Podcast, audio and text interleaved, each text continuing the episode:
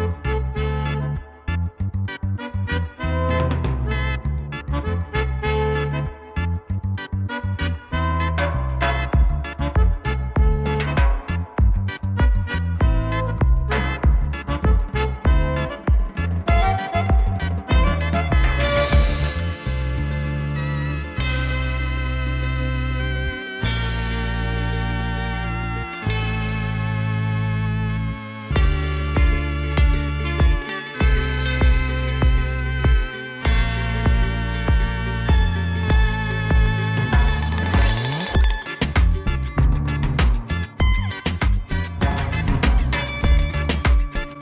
de, gast is er nog niet, dus dat lijkt me wel leuk. Eh, misschien kunnen we even een gletsjerbox doen. Ja. We kregen namelijk een, eh, een berichtje. We hadden, eh, was twee weken geleden, hadden we die opgraving in de Ter Apel. En er waren allemaal energetische wezens en hadden ze geen rekening mee gehouden. En nou ja, die wisten niet wat er allemaal aan de hand was. En toen kregen we dit berichtje van iemand. Van een Dan. En die zegt, ongeveer 20 jaar geleden heb ik een jaar als vrijwilliger geassisteerd bij archeologische opgravingen. Op een dag in een weiland stuiten we op crematieresten van menselijke oorsprong stammende uit de Romeinse tijd. Ik heb deze plekken vrijgemaakt en bemonsterd voor nader onderzoek. Aldoende geknield in de opgraving voelde ik energie uit mijn lichaam verdwijnen. Ik was plotseling erg moe. Ik wilde naar huis en verklaarde tegenover mijn collega's dat ik ziek, onwel was en ben toen huiswaarts gekeerd. Achteraf gezien besefte ik dat het tamelijk onverantwoord was om die hele afstand naar huis alleen per auto af te leggen. Want ik had weinig oog voor het verkeer. Zo bevangen was ik door wat me overkwam. Gelukkig is alles weer snel goed gekomen. Hmm. Dus eh, ja, dat kan natuurlijk. Dat je, eh, het ligt er denk ik ook aan dat je een soort van je eigen energie, of je energieveld, dat is dan een match. Je resoneert met zo'n plek. En dan kun je daar, eh, als je daar gevoelig voor bent, kun je allerlei dingen doorvoelen. Dus een mooi berichtje. Ja. ja, het is allemaal weer de vraag van wat het dan precies geweest is. Hè? Wat, hoe, eh, wa- wa- wa- wat je daaruit kunt halen. Ja, want is die energie, was het, was het dan omdat je eigen energie al langere tijd ehm, misschien ehm, ja, onderhevig was aan iets? Of was, was het misschien zo dat er dan juist door die plek iets door hem heen ging? Dat is eh, de vraag. Ja. Ja, nou ja, hij zegt, hij zegt de specifieke crematieresten. Dus eh, dan, eh, dan zweeft daar misschien nog wel het een en ander rond. Ja, ja, dat kan zeker. Zeker op oude plekken en zo. Dat daar is ook ondervonden. Dat, eh, ja, daar moet je wel heel bewust van zijn. Dat, eh, misschien jezelf ook een beetje tegen beschermen. Want eh, voor het weten loop je met allemaal zware shitzooi. En je weet eigenlijk helemaal niet waar het vandaan komt. Maar het heeft wel invloed op je. Ook op je gedrag, op je kijk naar de wereld en zo. En kan je heel erg negatief maken. Of vermoeid inderdaad. Ja. Ja. Ja, dus meteen hebben we Anthony Michels hè, van de Florijn. Die komt bij ons in de uitzending. Nou, Dus die zal er zo meteen aankomen. die komt nu. Die komt nu. Oké. Nou, dat is heel mooi. Goedemorgen heren. Goedemiddag moet ik zeggen. Hallo. Anthony. Hallo. Hallo. Leuk dat je er bent. Ja, altijd goed om eh, hier in de show bij jou te zijn Niels. Ja, en collega natuurlijk. Maar wij hebben elkaar al een paar keer ontmoet in andere, ja, in eerdere gelegenheden. Dus. Ja, ja dat is Marlijn. Marlijn van Dobben. Ik zit eh, verkeerd eh bij die kant. God. Ja. Hallo Marlijn. Hallo. Die naam komt me heel erg bekend voor, maar eh, ja, oké. Oké. Ehm, ja, we, we kennen jou natuurlijk van de Florijn, eh, Anthony. Eh, je bent ook betrokken bij de Nieuwe Wereldondernemers inmiddels. Ja, zeker, zeker. Ik heb eh, verschillende avonden daar gedaan, zeg maar, met nieuwe wereldondernemers. eh, om, om de Florijn verder eh, bij de ondernemers bekend te maken, zeg maar. Hè? Ja. En nu dachten wij van laten we vandaag eens beginnen bij wat basiselementen. Ja. Want we, zitten, ja, we, we houden natuurlijk van oplossingen, maar kijk, de kern van het probleem, daar komen we uiteindelijk ook wel een keer bij terecht. Maar laten we eerst bij de basis beginnen van eh, wat is bijvoorbeeld, ja dat klinkt wat, wat gek, maar wat is geld? Ja, kijk, dat is uh, inderdaad. Ja, kijk, ik ben een vakidioot, hè. Dus als je mij aan het praat wil krijgen, dan moet je die vraag stellen. kijk, uh, er zijn twee definities van geld. Eentje van de moderne economie. Dat ik altijd graag op één lijn stel met virologie. Komt uit dezelfde uh, oorsprong en heeft ook dezelfde kwaliteit. Dus daar moet je je niet te veel van voorstellen. Kijk, in de moderne economie zeggen ze dat geld drie functies heeft. Namelijk dat het een ruilmiddel is, dat het een oppotmiddel is en dat het een rekenmiddel is. En dat uh, met name dat tweede, dat oppotmiddelverhaal, dat is enorm problematisch. En um, is een puur een afgeleide van, um, van, uh, van de werkelijke functie van geld. En uh, een gevolg daarvan. En geen authentieke op zichzelf staande, terwijl het in, um, in de economie een veel te belangrijke plek heeft gekregen. In de economie wordt er dus alleen maar heel erg gekeken naar de belangen van het kapitaal. En dat zijn degenen die sparen, want het is gewoon heel logisch. Degenen die het rijkste zijn hebben de meeste spaargeld.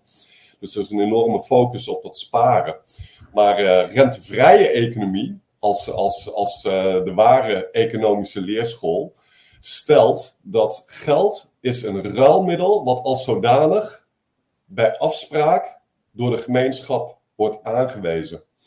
En uh, laten we dat eventjes nader bekijken, want er zitten dus twee elementen in. In de eerste plaats dat het een ruilmiddel is. Punt.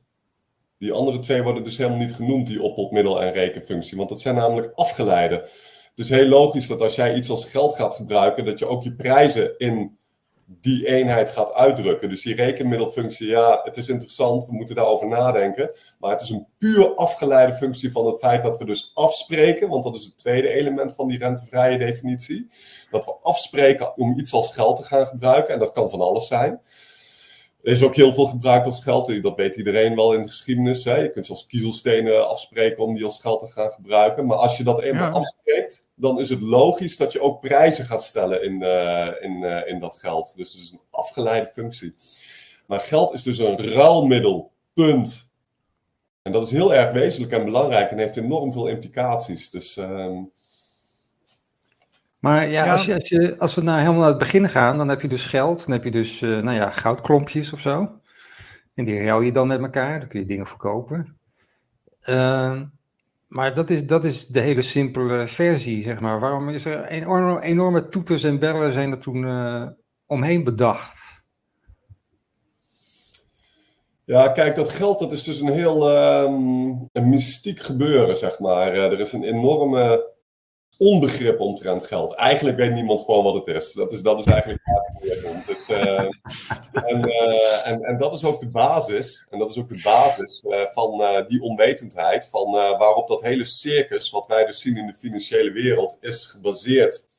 Want als iedereen zou begrijpen hoe geld zou werken, dan zou dat hele financiële circuit morgen meteen afgebrand worden. Want het is namelijk zo absurd belachelijk dat... Um, ja, dat het, dat het totaal onuitstaanbaar, totaal onacceptabel is en um, totaal belachelijk is. En uh, kijk, um, de grote meerderheid van de mensen, of laat ik het zo zeggen, de mensheid als, uh, als geheel moet produceren.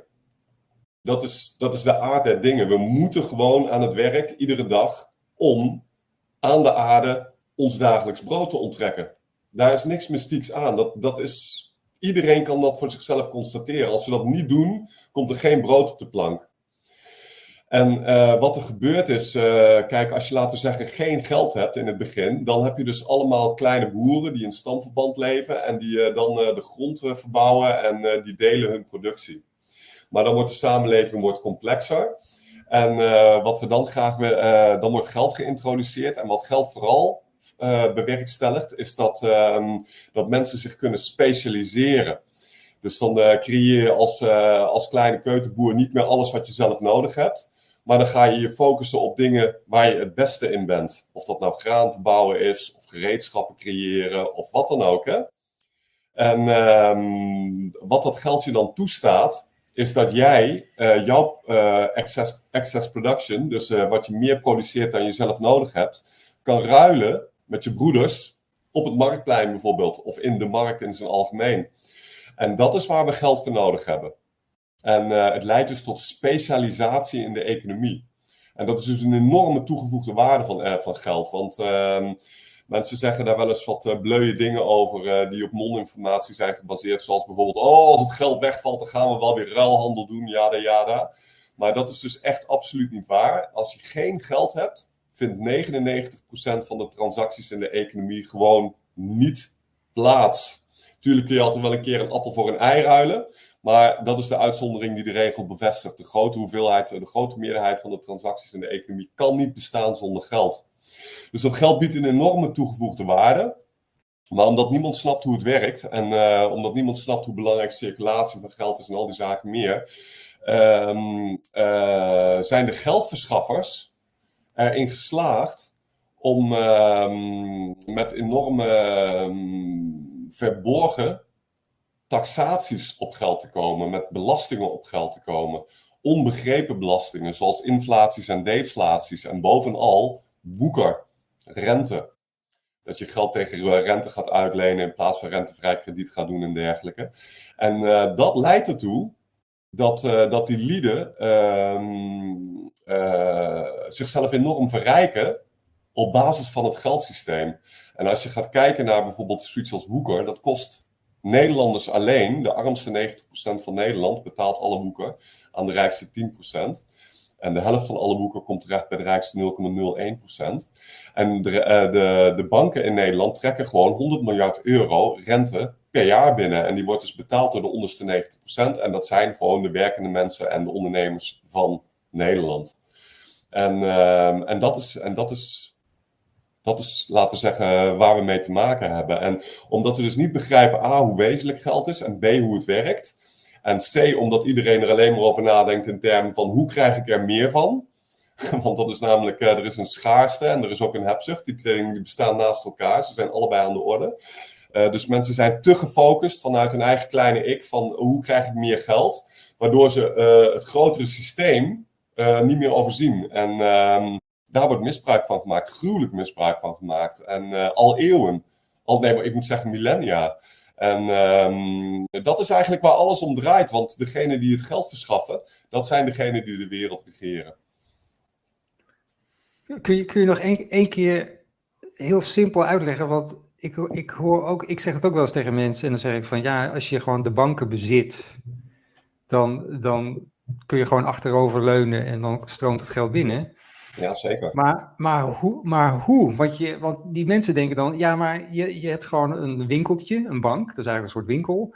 En, en hoezo, hoezo krijg je daar heel veel geld dan uit? Want je, je, je, ja, je krijgt geld binnen, maar ja, dat, zijn, dat is allemaal spaargeld. Dus hoe, hoe, hoe onttrekken zij dan al dat geld uit 90% van de samenleving?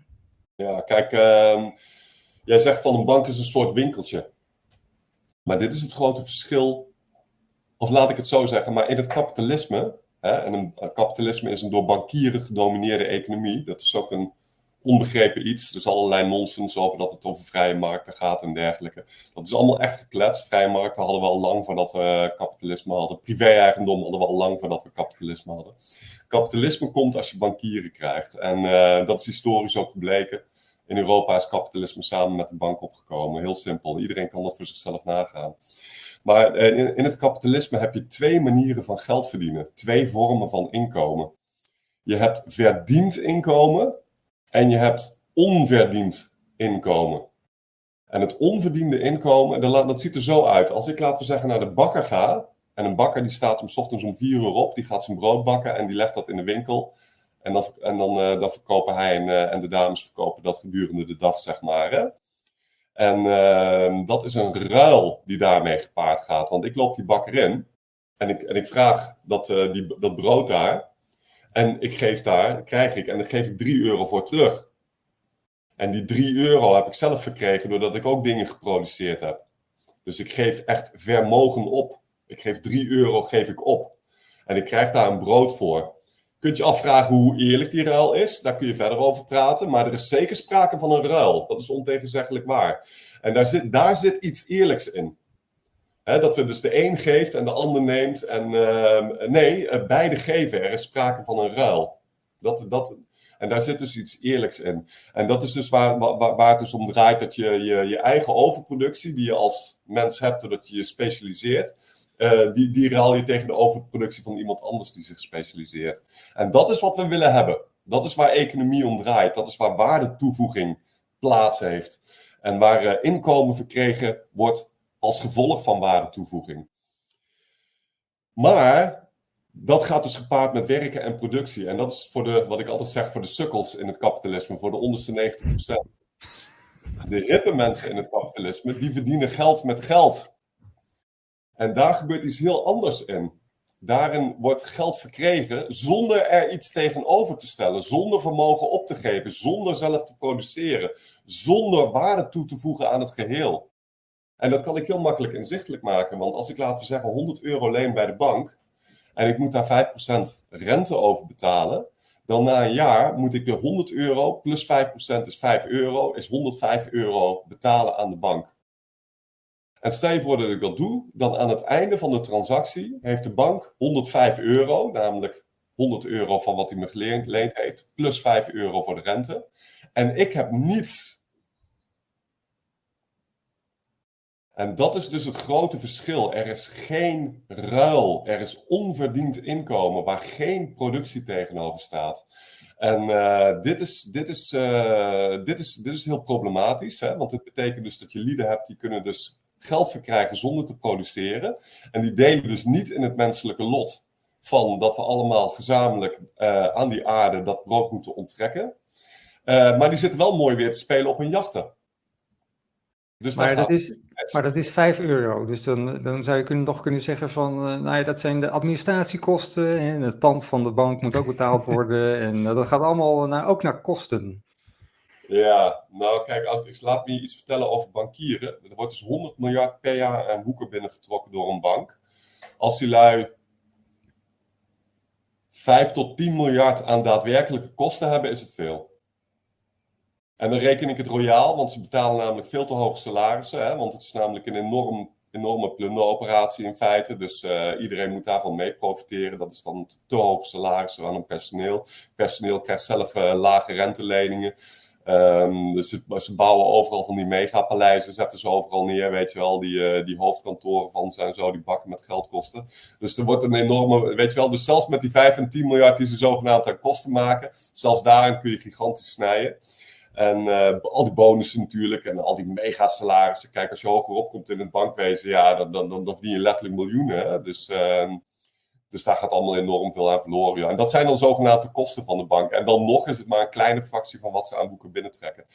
Wat je je heel goed moet realiseren, wat je heel goed moet realiseren, kijk, wat ik je nu heb verteld, is het basale proces van niet vergeven en niet nemen. Maar laat me je een ander voorbeeld geven. Want uh, boeken is de basis van alle onverdiende inkomen. Maar je hebt ook bijvoorbeeld zoiets als huisjesmelkerij. En laat ik mijn eigen verhaal hierbij vertellen, want het is namelijk heel inzichtelijk. Mijn huisbaas is een, echt een, een gouden gast, daar wil ik geen kwaad woord over horen. Het gaat mij puur om het systeem.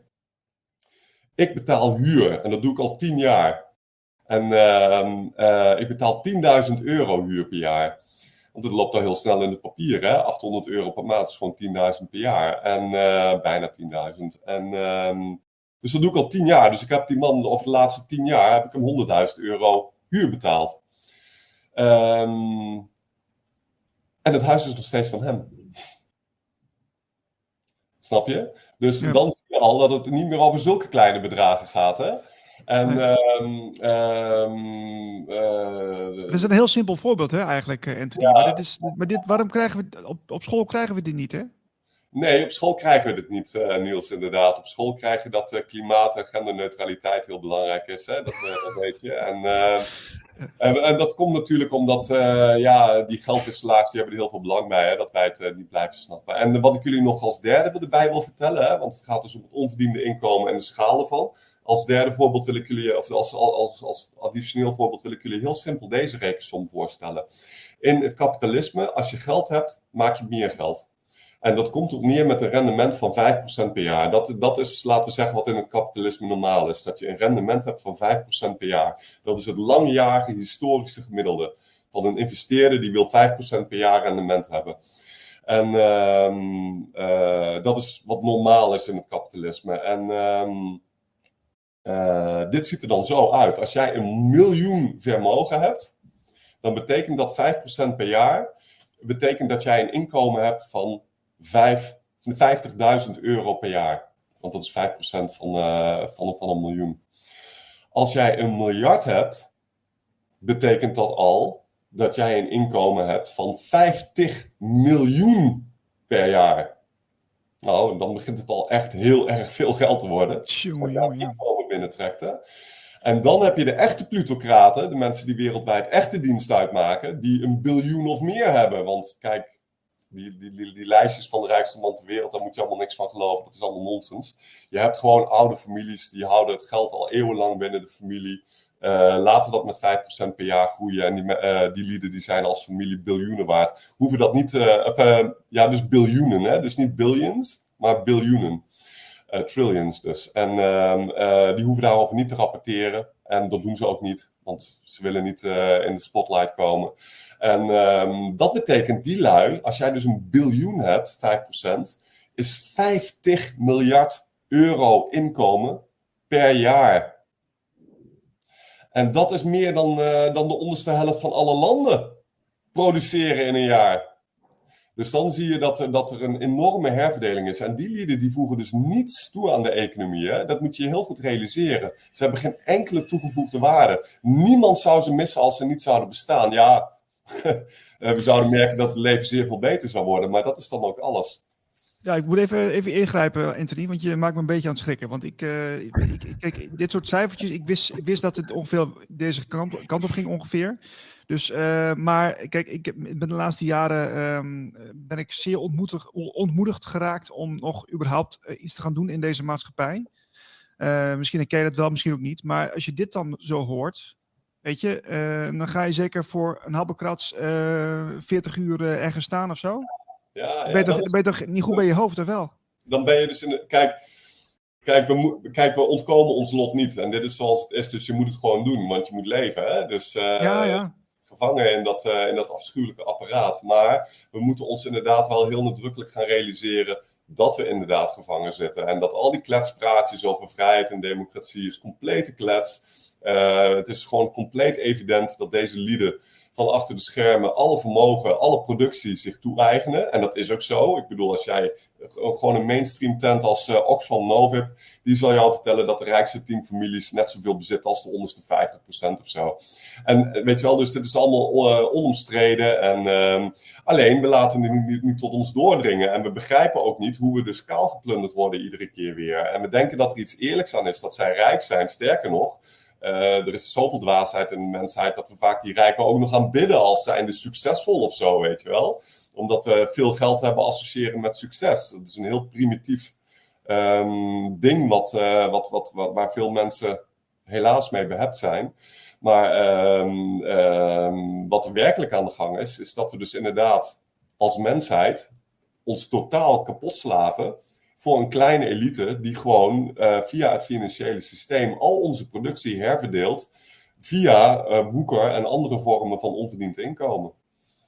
En wij moeten ons daarvan gaan be bewust worden en we moeten het gaan stoppen. Want het is totaal onacceptabel. Het is een totale vernietiging van democratie. Niet een ondermijning, een totale vernietiging van democratie alle werkelijke macht ligt bij deze plutocraten. En het idee dat je vrij, vrij bent omdat je één keer in de vier jaar kan gaan stemmen voor een paar bazen die overduidelijk niet werken voor ons, maar overduidelijk wel voor het grootkapitaal.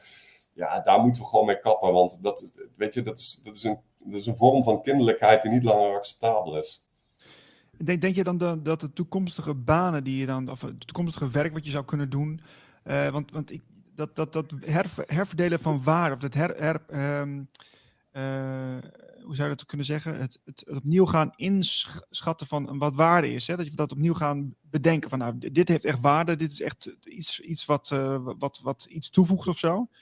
Uh, ik denk dat we daar eerst ook naar moeten kijken. Van, want anders dan gaan we allemaal dingen doen die nergens op slaan. Hè? Misschien ken je het boek wel van David Graeber, Bullshit Jobs, van een paar jaar geleden. Zeker weten. ja, dat, dat is ook weer zo'n eye-opener dat je ziet van er, er, worden zoveel banen gecreëerd die gewoon totaal onnodig zijn. Die mensen alleen maar bezighouden. Uh, en en de, de, economie schiet daar volgens mij ook helemaal niks mee op. Maar volgens mij kan het veel simpeler. Veel, volgens mij kunnen we veel meer zouden we veel meer tijd voor onszelf hebben als we, als we het anders zouden inrichten. Ja, dat is heel belangrijk, Niels. Kijk, um, uit alle onderzoeken iedere keer weer blijkt dat uh, als mensen eenmaal voldoende geld hebben, dus uh, voldoende om de schoorsteen te laten roken, dan kiezen ze liever voor meer vrije tijd dan voor meer geld. Ja, want zo'n pretje is dat werken helemaal niet. Dat, is ook zo'n dingetje wat met name in dat bedrijfsleven, dat grotere bedrijfsleven heerst, weet je wel. Dat je werkt om jezelf te ontwikkelen. Ja, dat is allemaal grote klets, weet je wel. Uh, je werkt om de, om de schoorsteen te laten roken, punt. Om de rekeningen te betalen. En uh, verder wil je graag gewoon wat tijd hebben voor met je vrouw en je kinderen en je familie en, je, en de dingen die, die je leuk vindt om te doen door te brengen en dergelijke. Maar laat me je dit vertellen. In 1500, ik, kan dit niet genoeg benadrukken, in 1500 in Groot-Brittannië, voordat het hele kapitalistische geneuzel begon, werkte een man 15 weken per jaar om zijn kinderen te voeden. Een dagloner heb ik het nu over. Een dagloner. Die gewoon uh, werkte voor boeren. Die hoefde maar 15 weken per jaar te werken om zijn gezin te voeden. En dat is, ja, als je daarover nadenkt. Je had dus 200 vakantiedagen. En uh, Um, en dat wil helemaal niet zeggen dat we terug moeten naar de middeleeuwen, want we zijn nu 500 jaar technologisch verder. Bovendien waren er uh, andere issues in de, in, de, in de christelijke economie van toen, hè, zoals feudalisme. Dat, dat, daar kun je ook uh, vraagtekens bestellen, natuurlijk heel evident. Maar de, de, de economische situatie was dat we zonder rente, want dat was namelijk een rentevrije economie, hè, dat is wel even belangrijk om hierbij te vermelden. We hebben duizend jaar rentevrije economie gehad. Um, konden we dus gewoon met 15 weken per jaar te, uh, werken toe. En wat, wat gebeurde er uh, met, uh, met, die, met die vrije tijd? Ja, mensen die gingen gewoon bij elkaar op bezoek. Je had gewoon. Ja, zeg, wie, op bezoek? Ja, ja, je had gewoon sociale verbanden, weet je wel. Zich, zich, omdat we nog geen auto's hebben, weet je wel. dus als ze, laten we zeggen, 100, 100 mijl verderop een familie hadden wonen, dan gingen ze twee dagen lopen. En, de, en de wegen van de middeleeuwse Europa lagen, waren altijd vol met reizigers. Er werd enorm veel gereisd in die tijd. Uh, mensen realiseren zich dat ook niet echt. Gingen ze een paar dagen lopen naar hun familie toe. En uh, gingen ze daar lekker een week zitten. En uh, gewoon een goede tijd met elkaar hebben. En man en vrouw samen thuis was een enorm ding. Want dat is ook een heel groot onbegrepen ding. Maar het kapitalisme, dat was de eerste grote slag tegen het familieleven. Want uh, die mannen die, uh, die, die kwamen dus in de moderniteit terecht. En uh, in plaats van dat ze dus op een eigen land of op land dicht bij een huis aan het werk waren. En dus weet je wel, gewoon beschikbaar waren in het, in het familieleven. En weet je wel, gewoon inderdaad echt het hoofd van het gezin konden zijn. Waren voor hun vrouw en hun kinderen en dergelijke. Um, dat, dat, dat hadden ze omdat ze al die tijd hadden. En um, toen ze dus opeens veel langere werkuren moesten gaan maken, waren ze gewoon de hele dag weg van, uh, van vrouwen en uh, kinderen. En ze werden daar heel erg nodig gemist. En daarna hebben we ook nog eens een keertje feminisme gekregen. Dus toen was moeders ook nog uit het huis weg. Dus uh, nu is het zo dat wij onze oudjes die liggen, die zitten in verpleeghuizen. Onze kinderen die zitten in commerciële en overheidsgedreven opvang en school, zogenaamde scholen, weet je wel. Waar ze de grootste nonsens uh, aangeleerd krijgen. En uh, in plaats van dat, dat ouders dus zelf aanwezig zijn voor hun geliefden, hun eigen, hun eigen ouders en hun kinderen. Het, het, weet je wel, je krijgt dan die absurde situatie dat je, dat je een maatschappelijk debat hebt of, uh, of een oudje recht heeft op uh, twee luiers in, uh, in zo'n verzorgingshuis. Maar wat mensen zich echt moeten afvragen is, hoe komen onze oudjes in vredesnaam terecht in een staatsinstelling in plaats van dat ze verzorgd worden door hun eigen bloed? Dat moeten ja, mensen afvragen. Wat je ook ziet, Anthony, wat je ook ziet is dus, als ik jouw verhaal goed begrijp, steeds een, een balans die er niet is. Steeds uit balans. Dus, dus, dus de, de, het gezinsleven en dan weer de, de relatie man-vrouw. En, en het is ja. steeds ergens zoeken voor de mens om weer um, ja, ja, tot een, tot een, uh, uh, ja, een prettige samenleving of een prettige um, moment te komen. En iedere keer wordt dat, wordt, lijkt het wel of dat bewust wordt, wordt, wordt onderuit gehaald. Ja, ik probeer het even in woorden te gieten. Ja. Maar ik, wat ik ook bij, bij, bij, bij, deze trend zie, je had het feminisme had je het over. Uh, ik, ik, uh, ik vind het heel fijn dat, dat vrouwen zich ontwikkelen en, dat ze gaan werken. Ik ben helemaal, helemaal voor.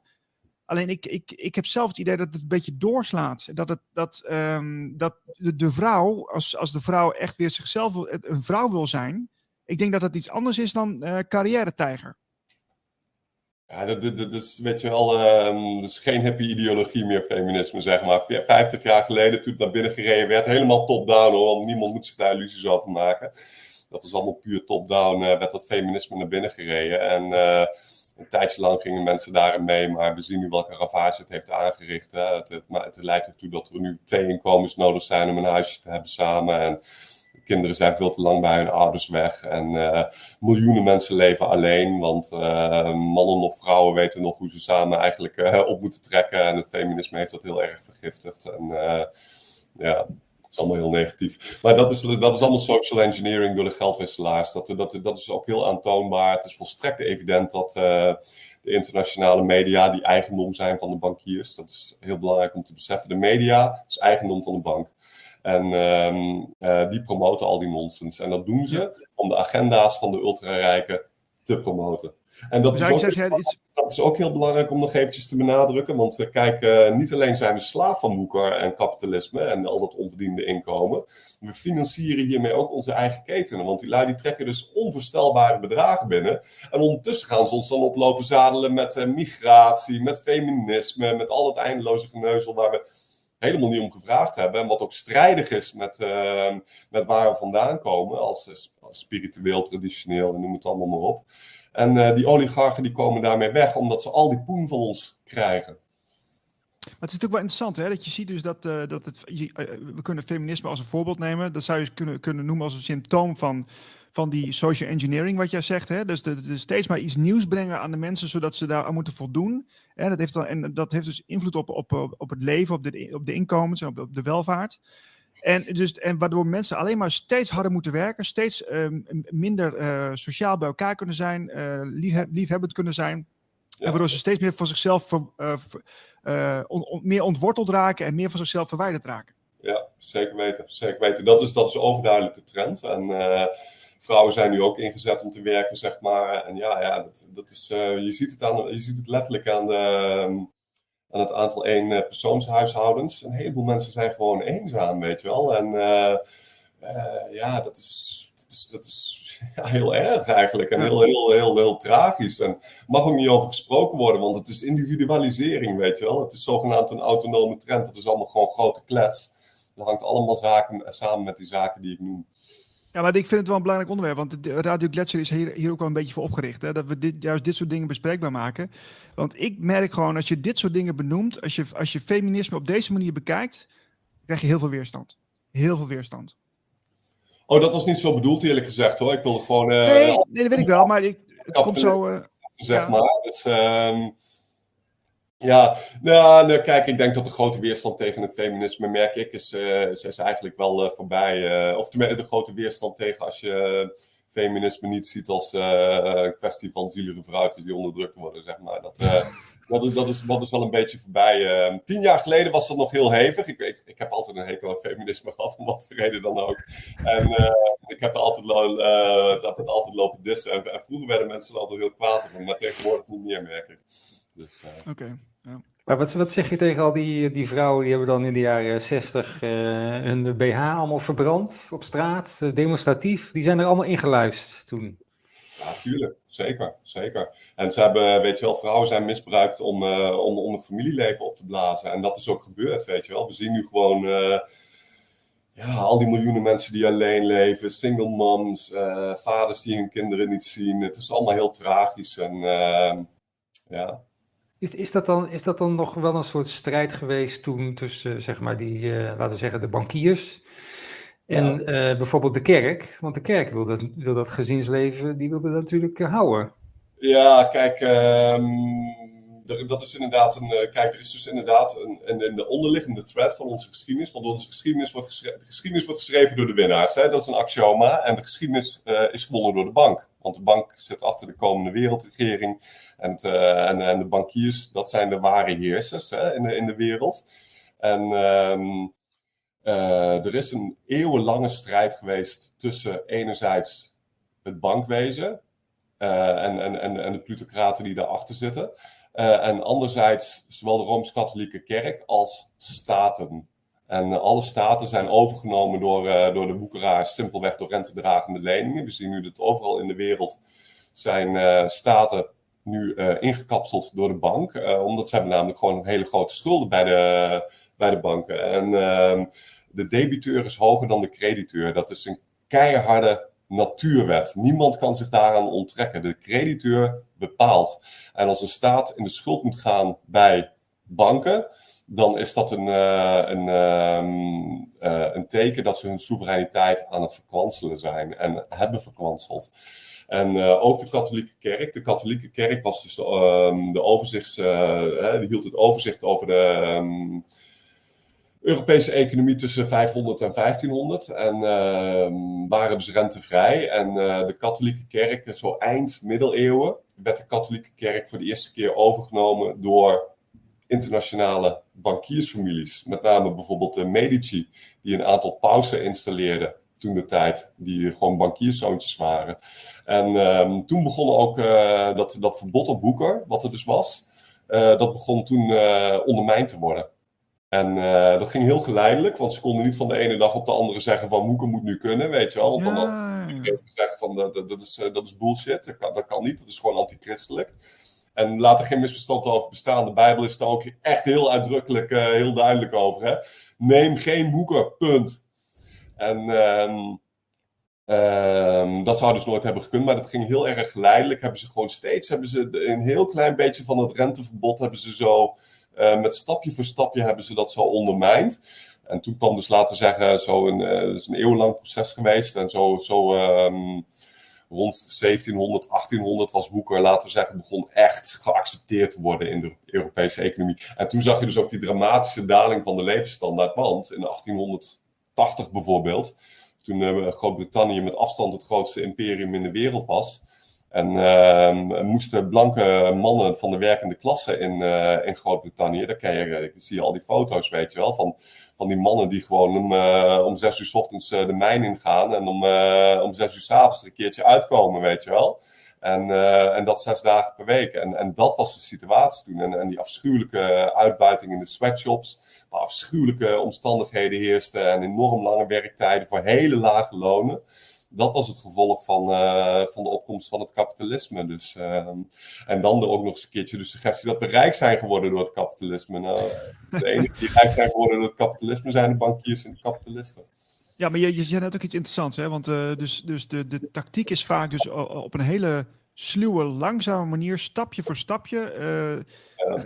bouwen ze dus aan een nieuw systeem of ze, ze introduceren nieuwe regels. En die me mensen die, die hebben dat gewoon in de regel niet goed genoeg door. En dan, dan kan het dus op die manier kan het dus steeds worden, worden ingezet. Ja, zeker, zeker, zeker.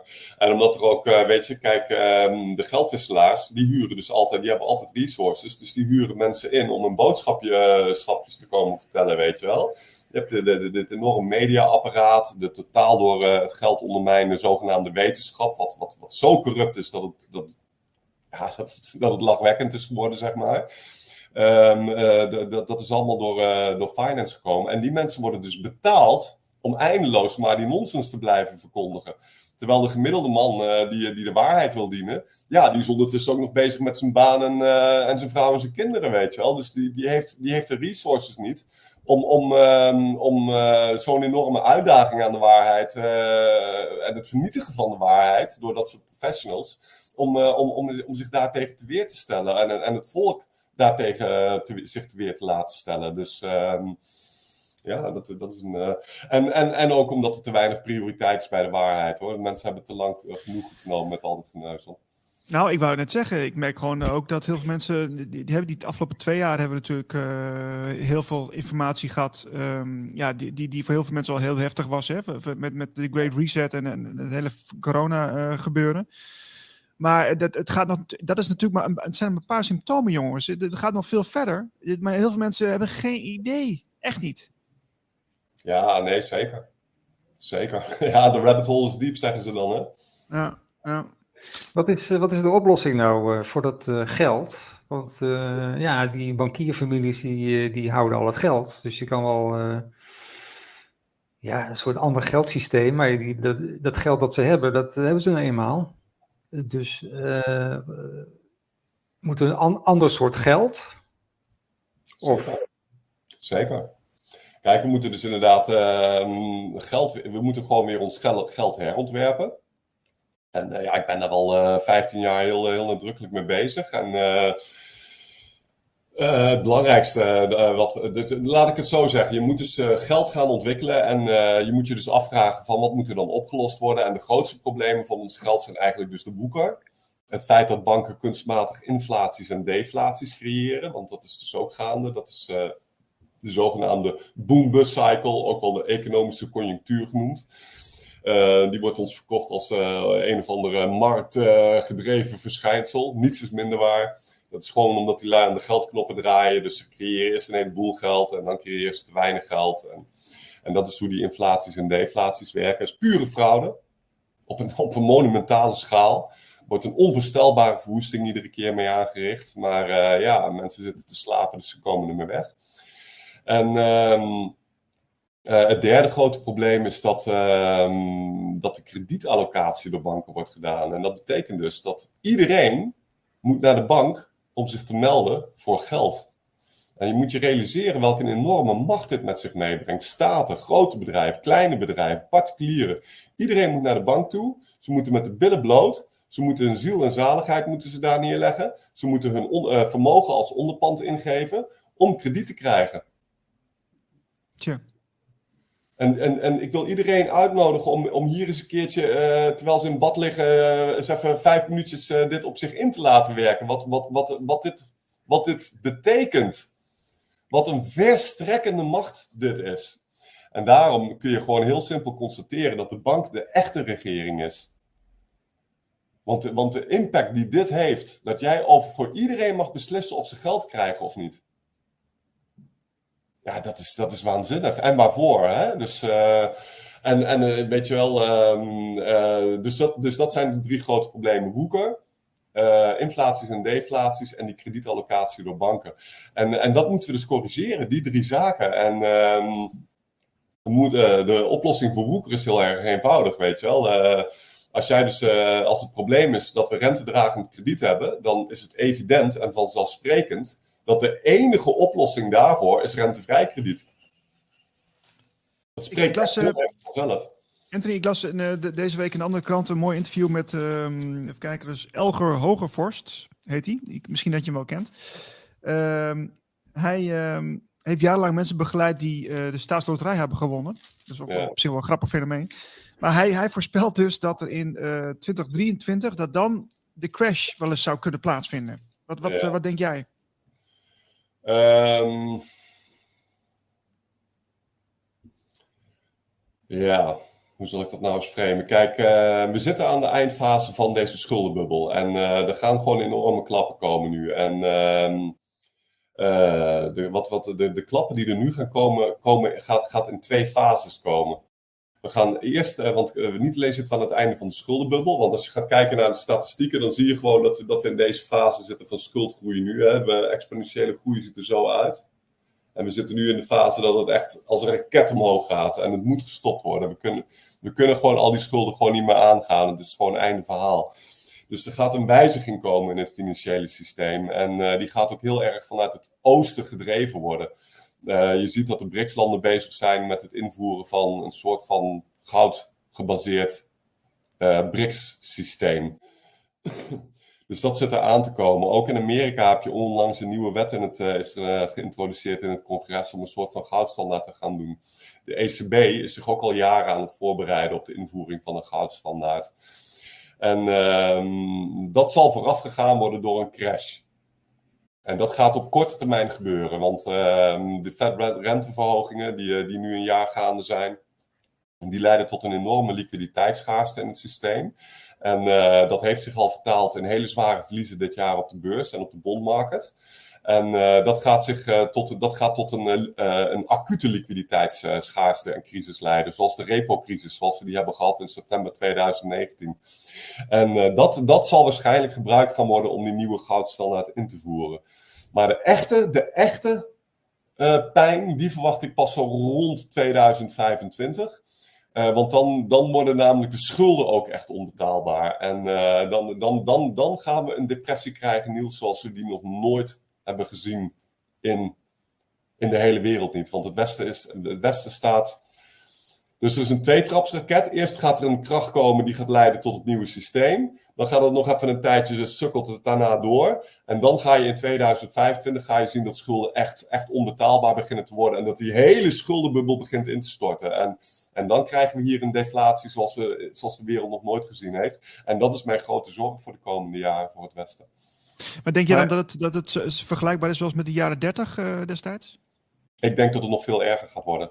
Ik, uh, kijk, want in de jaren 30 heb je niet gezien dat, uh, dat westerse bevolkingen echt begonnen te krimpen.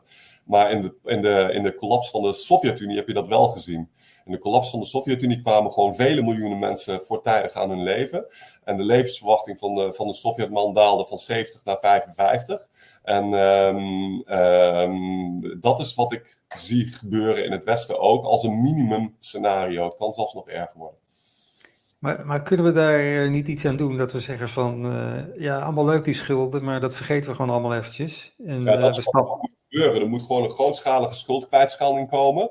En als mensen zouden beseffen wat er op het spel staat en wie er verantwoordelijk is en hoe onrechtvaardig het is dat we in deze situatie zitten en hoe verboden Woeker ook is en hoe we dit nooit hadden moeten mogen toestaan, uh, is de enige conclusie. Er moet grootschalige schuldkwijtschelding komen. En um, uh, dat zal ook leiden tot het verdampen van enorme vermogens bij de ultra-rijken. En dat is waarom ze dat ook absoluut niet zullen accepteren. Daar is alles, alles op gericht om dat te voorkomen. Maar dat is wat we zouden moeten doen. En daarna moeten we een rentevrij uh, kredietsysteem gebaseerd geldsysteem in, invoeren. Dat is, wat, dat is de rationele oplossing en de menswaardige oplossing. Ja, en is, moet het dan. Uh, Oké, maar moet dat dan eh, volgens jou ook uh, een, een, technologie uh, zijn? Of, of, of is, is het meer dat je echt gewoon terug wil naar munten die je fysiek kunt, kunt, kunt inruilen, zeg maar? Ja, kijk, um, die crypto-meuten, dat, dat, zijn op zich prima gasten hoor. Want die, die zoeken oplossingen voor, ehm, voor ons geld. Maar ze zijn helemaal op een dwaalspoor gekomen. Uh, en, die, en die zitten altijd op die tech uh, van, oh, blockchain, ja, ja, ja. Maar kijk, je moet dus een goede analyse hebben van wat zijn nu de echte problemen van ons geld. En die heb ik jullie gegeven. En uh, daarna moet je dat op gaan lossen. En daarna moet je dan gaan kijken van welke technologie heb ik daar dan voor nodig.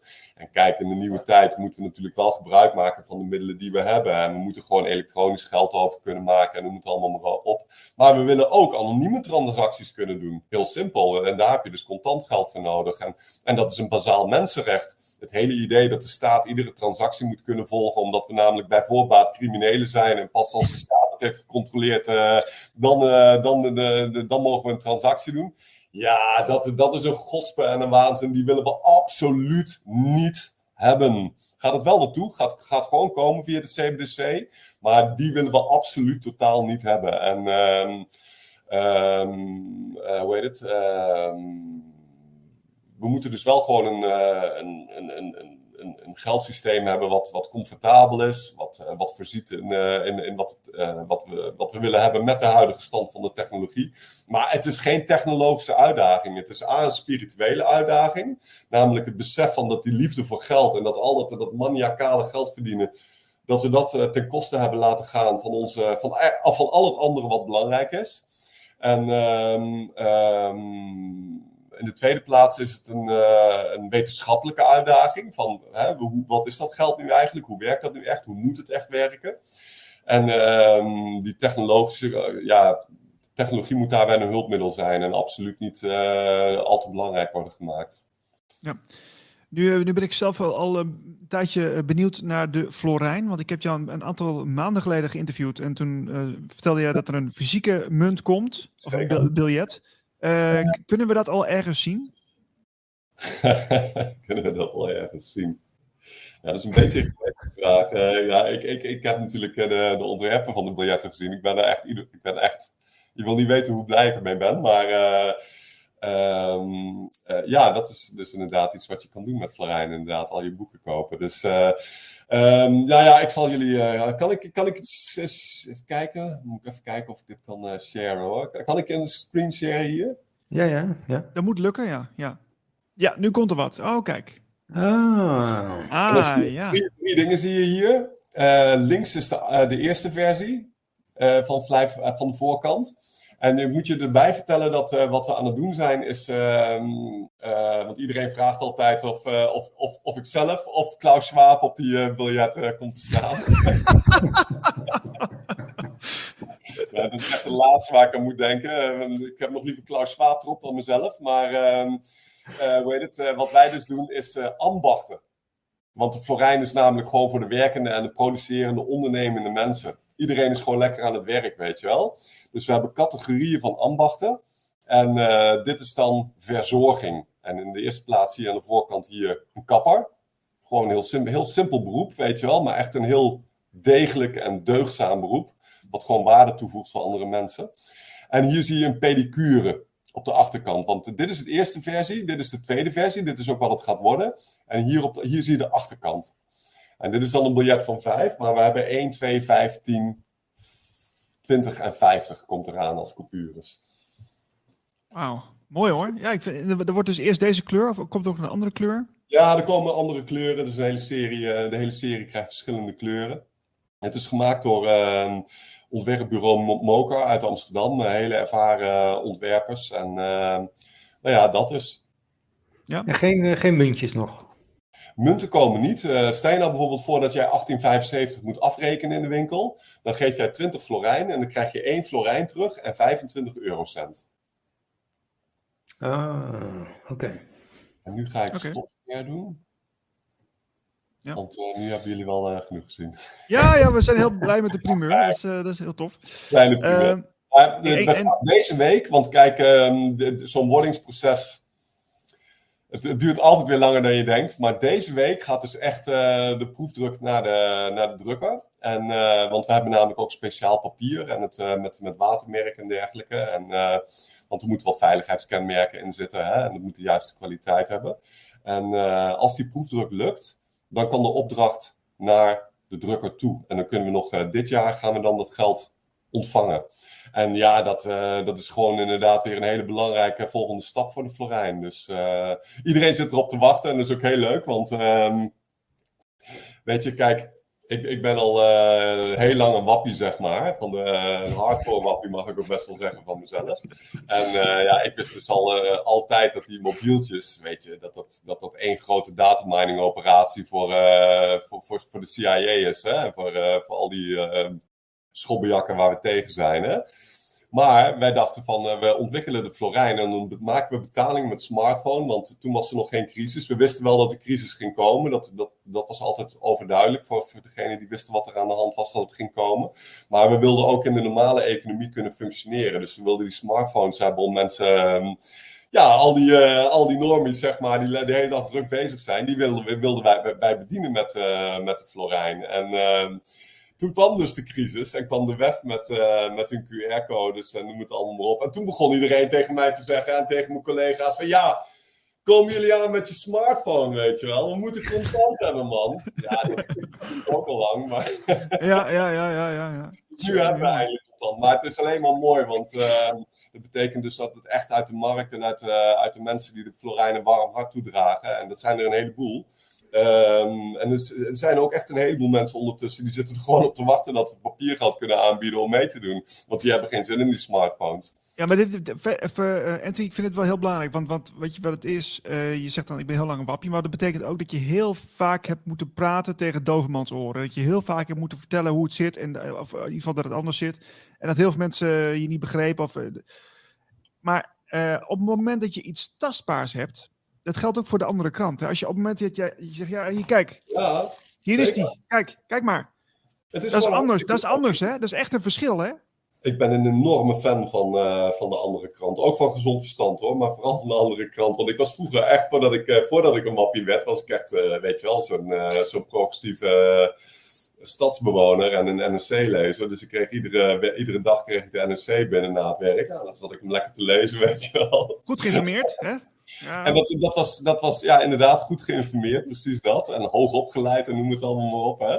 Dus, um, uh, dus en, maar ik heb daar hele goede herinneringen aan. Ik vond het gewoon heerlijk. En uh, dan word je wakker zogenaamd. Hè? En dan ga je realiseren dat het dus echt gewoon gif is wat er allemaal wat je naar binnen gereden krijgt. Maar nu heb je dus gewoon een, weer een krant die je gewoon lekker kan lezen op de zaterdag. Ik vind het heerlijk. Dus, en dat is precies hetzelfde met die Florijnbiljetten ik ben ervan overtuigd dat als mensen gewoon met die dingen rondlopen en als ze dan bij een bedrijf vragen, ik zou het zo leuk vinden om hier ook met Florijn te kunnen betalen, dat ze ook kunnen laten zien van kijk, dat is dit geld, dat dat ook weer enorm gaat helpen om de Florijn verder te laten groeien. Want uh, het is heel simpel. Kijk, wij hebben heel erg goed geld met de Florijn.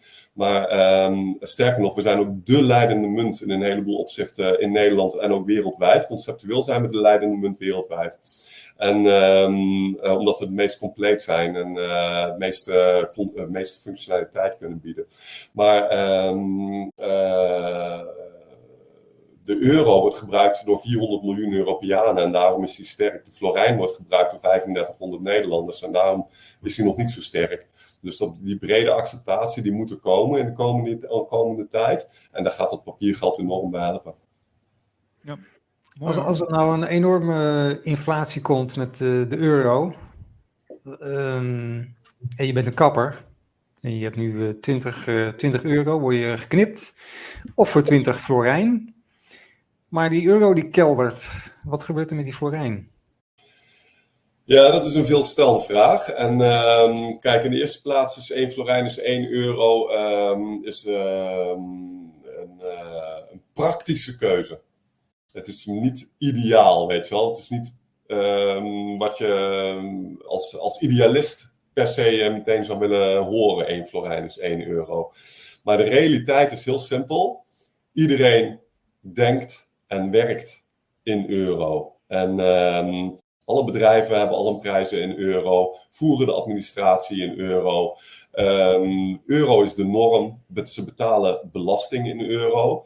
Uh, en dat betekent allemaal dat, um, uh, wat, wat is een heel praktische implicatie, als wij onze eigen prijzen zouden proberen vast te stellen in Florijn op basis van marktwerking binnen ons uh, netwerk, dan ga je ermee te maken krijgen dat die Florijn gaat lopen schommelen. Dus dan kost een brood 3 euro. En de ene dag is dat 72 florijn. De volgende dag is dat 5 florijn. De volgende dag is dat 2 florijn. Dat moet allemaal geadministreerd worden door die bedrijven. Dat zijn allemaal valuta-risico's voor die bedrijven. En dat gaan ze gewoon niet doen. In de praktijk leert dat als jij, laten we zeggen, daarmee te maken hebt, met, met schommelende prijzen van een, uh, van een eigen prijsvorming, of ook met een, uh, uh, prijsstelling in een eenheid die jij niet kent. Zoals bijvoorbeeld met LEDs. Je hebt in Nederland heel veel LED-kringen, wereldwijd ook trouwens. En uh, die werken met uren. Um, uh, één uur is één LED-eenheid, zeg maar. Niemand weet wat een uur waard is. En daarom hebben nooit bedrijven, bedrijven nooit meegedaan aan LEDs. En één uur florijn is één euro. dat is dus een hele praktische Gordiaanse knoop doorhakken. En uh, iedereen weet wat een florijn is. Maar dit is de rekenmiddelfunctie van het geld. En iedereen moet zich heel goed realiseren dat de betaalmiddelfunctie van het geld staat geheel los van de euro. De geldschepping gebeurt allemaal in florijn, wordt gedaan door onze stichting, is totaal autonoom, los van euro, heeft daar niets mee te maken, kan gewoon doorgaan, ook als de euro omvalt. Uh, dus, uh, en, en als over inflatie, wat je heel goed moet realiseren, is dat um, inflatie, wie heeft daar last van? Uh, de grootste verliezers bij inflatie zijn debiteuren, nee, crediteuren moet ik zeggen, crediteuren en, um, en spaarders. Dat zijn de grote verliezers bij inflatie. En um, als jij, laten we zeggen, een ton op de bank hebt staan, dan is 10% inflatie, dan daalt, de waarde van je geld met 10%. Dus dan is het nog maar 90.000 90 waard. Maar bij de florijn wordt, is een, de florijn is puur een betaalmiddel. Want we hebben al besproken hè, dat, dat die oppotfunctie van geld, dat dat een verwoording is van moderne economie. En dat dat, dat, dat echt niet zo, uh, dat, dat geld echt puur een betaalmiddel moet zijn. En dat is de florijn dus ook. En um, er wordt niet gespaard met florijn. Dus ja, laten we zeggen, je, je florijn saldo tendeert altijd naar nul. En uh, als jij iets wil uitgeven, dan koop je wat florijn. Of je hebt rentevrij krediet, een van de twee, daar betaal je mee. En je, er is dus geen sprake van waardeverlies bij de florijn, want je saldo staat bijna op nul. Als jij boodschappen gaat doen, dan koop je wat florijn aan. Dus uh, op vrijdagmiddag koop jij 200 florijn om uh, je boodschappen ergens te kunnen doen. Maandagochtend staat hij gewoon weer op een paar tientjes of op nul. En dus is er geen waardeverlies door inflatie. En dat er prijsstijgingen zijn in de economie die heel erg ernstig zijn en die onze levensstandaard ondermijnen, dat is evident en heel ernstig. Maar dat, is, ehm, dat, dat kunnen wij als Florijn simpelweg niet oplossen. Het enige wat we wel kunnen doen, is een heleboel rijkdom weer terugbrengen naar de basis, waardoor we meer kunnen dealen met zoals, zoiets als bijvoorbeeld die gasschok. Want um, dat is wel even een ding. Inflatie, wat is inflatie? Mensen verwarren dat met prijsstijgingen. Dat is ook weer zo'n verwoording van onze taal. Maar inflatie in het echt betekent een verruimende geldhoeveelheid. En um, Ehm, dat is niet de oorzaak van onze stijgende prijzen. Wat we zien is dat de, de, prijzen in Europa met name, in Amerika is het nog een iets ander verhaal, maar in Europa stijgen de prijzen echt vanwege de energiecrisis. En ja, het is evident dat wij als Florijn kunnen wij natuurlijk niet uh, oplossen dat uh, de Oekraïne wordt binnengevallen door Poetin. En dat die, dat die mafkezen hier in Den Haag en in Brussel dan gaan lopen uh, doen alsof ze Poetin sanctioneren, maar in feite ons, uh, ons gas ontnemen. Hè? Dus ehm, dat is, dat is wat er hm. gebeurt. Dus dat kunnen wij als Florijn niet oplossen natuurlijk. Dat, uh, ja, maar Florijn heeft daar geen last van als monetair systeem. Wij kunnen wel gewoon doordraaien. Dus. Ja, maar als ik het goed begrijp, Anthony, is, heeft de, hanteert de Florijn wel een ander soort systeem dan wat, wat de, de, de centrale banken doen? Begrijp ik dat goed of niet? Ja, kijk, de Florijn is een geldsysteem, dus in die zin is het hetzelfde wat wij doen. Hè? We, produceren allebei geld, maar uh, de, de, de, twee grote verschillen tussen de Florijn en, uh, en, de, en, uh, en, de centrale banken en, en de commerciële banken, want dat is een conctie, hè? Um, is dat um, de bank doet alsof zij over de geldcreatie en de kredietcreatie gaan en, dat, zij, en dat wij dus allemaal bij hen in het krijt staan. En wat de Florijn doet, is uh, wij creëren een geldsysteem. En, uh, en, en dat doen ze met, uh, met het doel van winstmaximalisatie. Mm -hmm, ja. En de Florijn heeft, heeft geen doel van winstmaximalisatie. De, stichting, de Florijn wordt aangeboden door de Stichting de Florijn Nederland. En ons doel is simpelweg hoogwaardig geld aanbieden.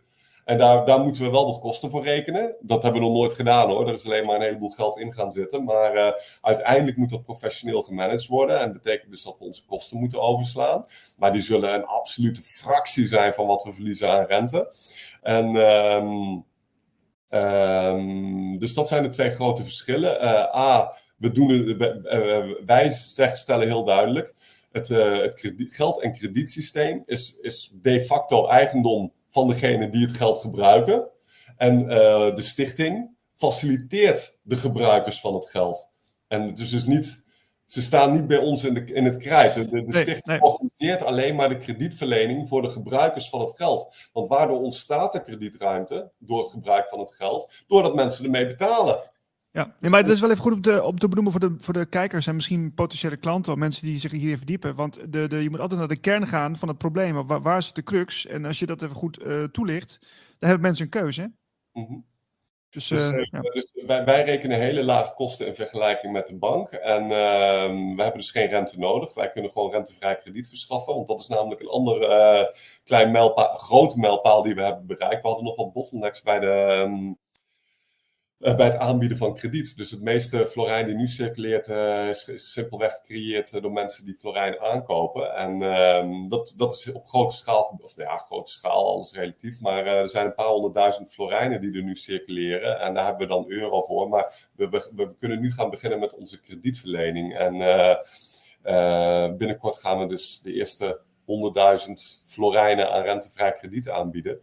Ja, en uh, dat doen we simpelweg om, uh, om een netwerk te faciliteren. Dat doen we niet met een winstoogmerk. Uh, wij vinden gewoon dat. het is ook niet idealistisch in de zin van. oh, weet je wel, want dat is ook iets wel, wat belangrijk is van. Ehm, weet je wel, het kan idealistisch, maar dat zit dan in de hoek van. oh, het werkt niet. Maar de Florijn is business. De Florijn werkt wel. Wij bieden gewoon veel beter geld aan voor degenen die ermee betalen. Het genereert gewoon business. Het genereert uh, veel goedkoper geld, uh, rentevrij krediet. Het houdt geld in de lokale economie, wat gewoon leidt tot groeiende welvaart, groeiende omzet, groeiende werkkapitaal, groeiende kredietruimte. Zonder woeker bij werkende en producerende mensen. En dat, en dat is dus een heel direct antwoord op al onze basale monetaire problemen. Dus, uh... ik, heb, ik heb nog even een vraag, misschien een beetje een gekke vraag, maar ik ga hem toch stellen. Um, de Nederlandse bank, hè, die, zien die dan deze ontwikkeling ook wel? Of uh, heb je wel eens contacten mee gehad? Dat ze zeggen, oh, Florijn, interessant. Of, uh, of is, dat, is dat niet denkbaar?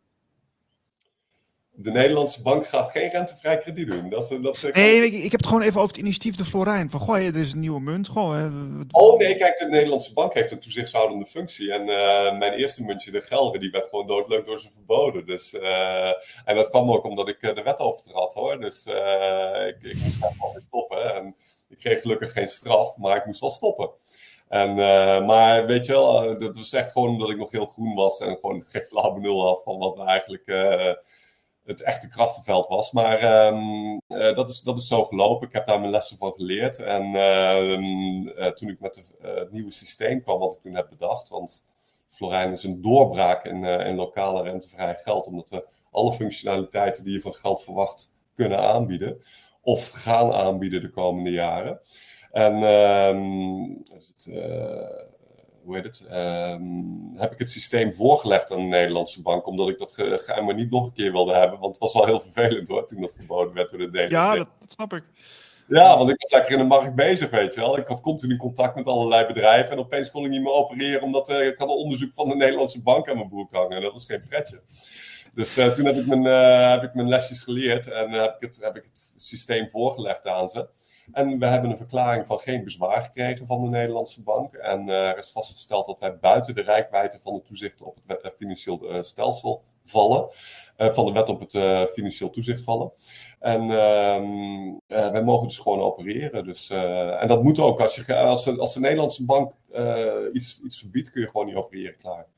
Ondervind jij verder nog wat tegenwerking, uh, Anthony? Want je bent, uh, je bent nou wat dingen aan het doen die, uh, ja, die, ja, die machthebbers op zijn zachtst gezegd niet zo leuk vinden. heb je daar wel eens last van?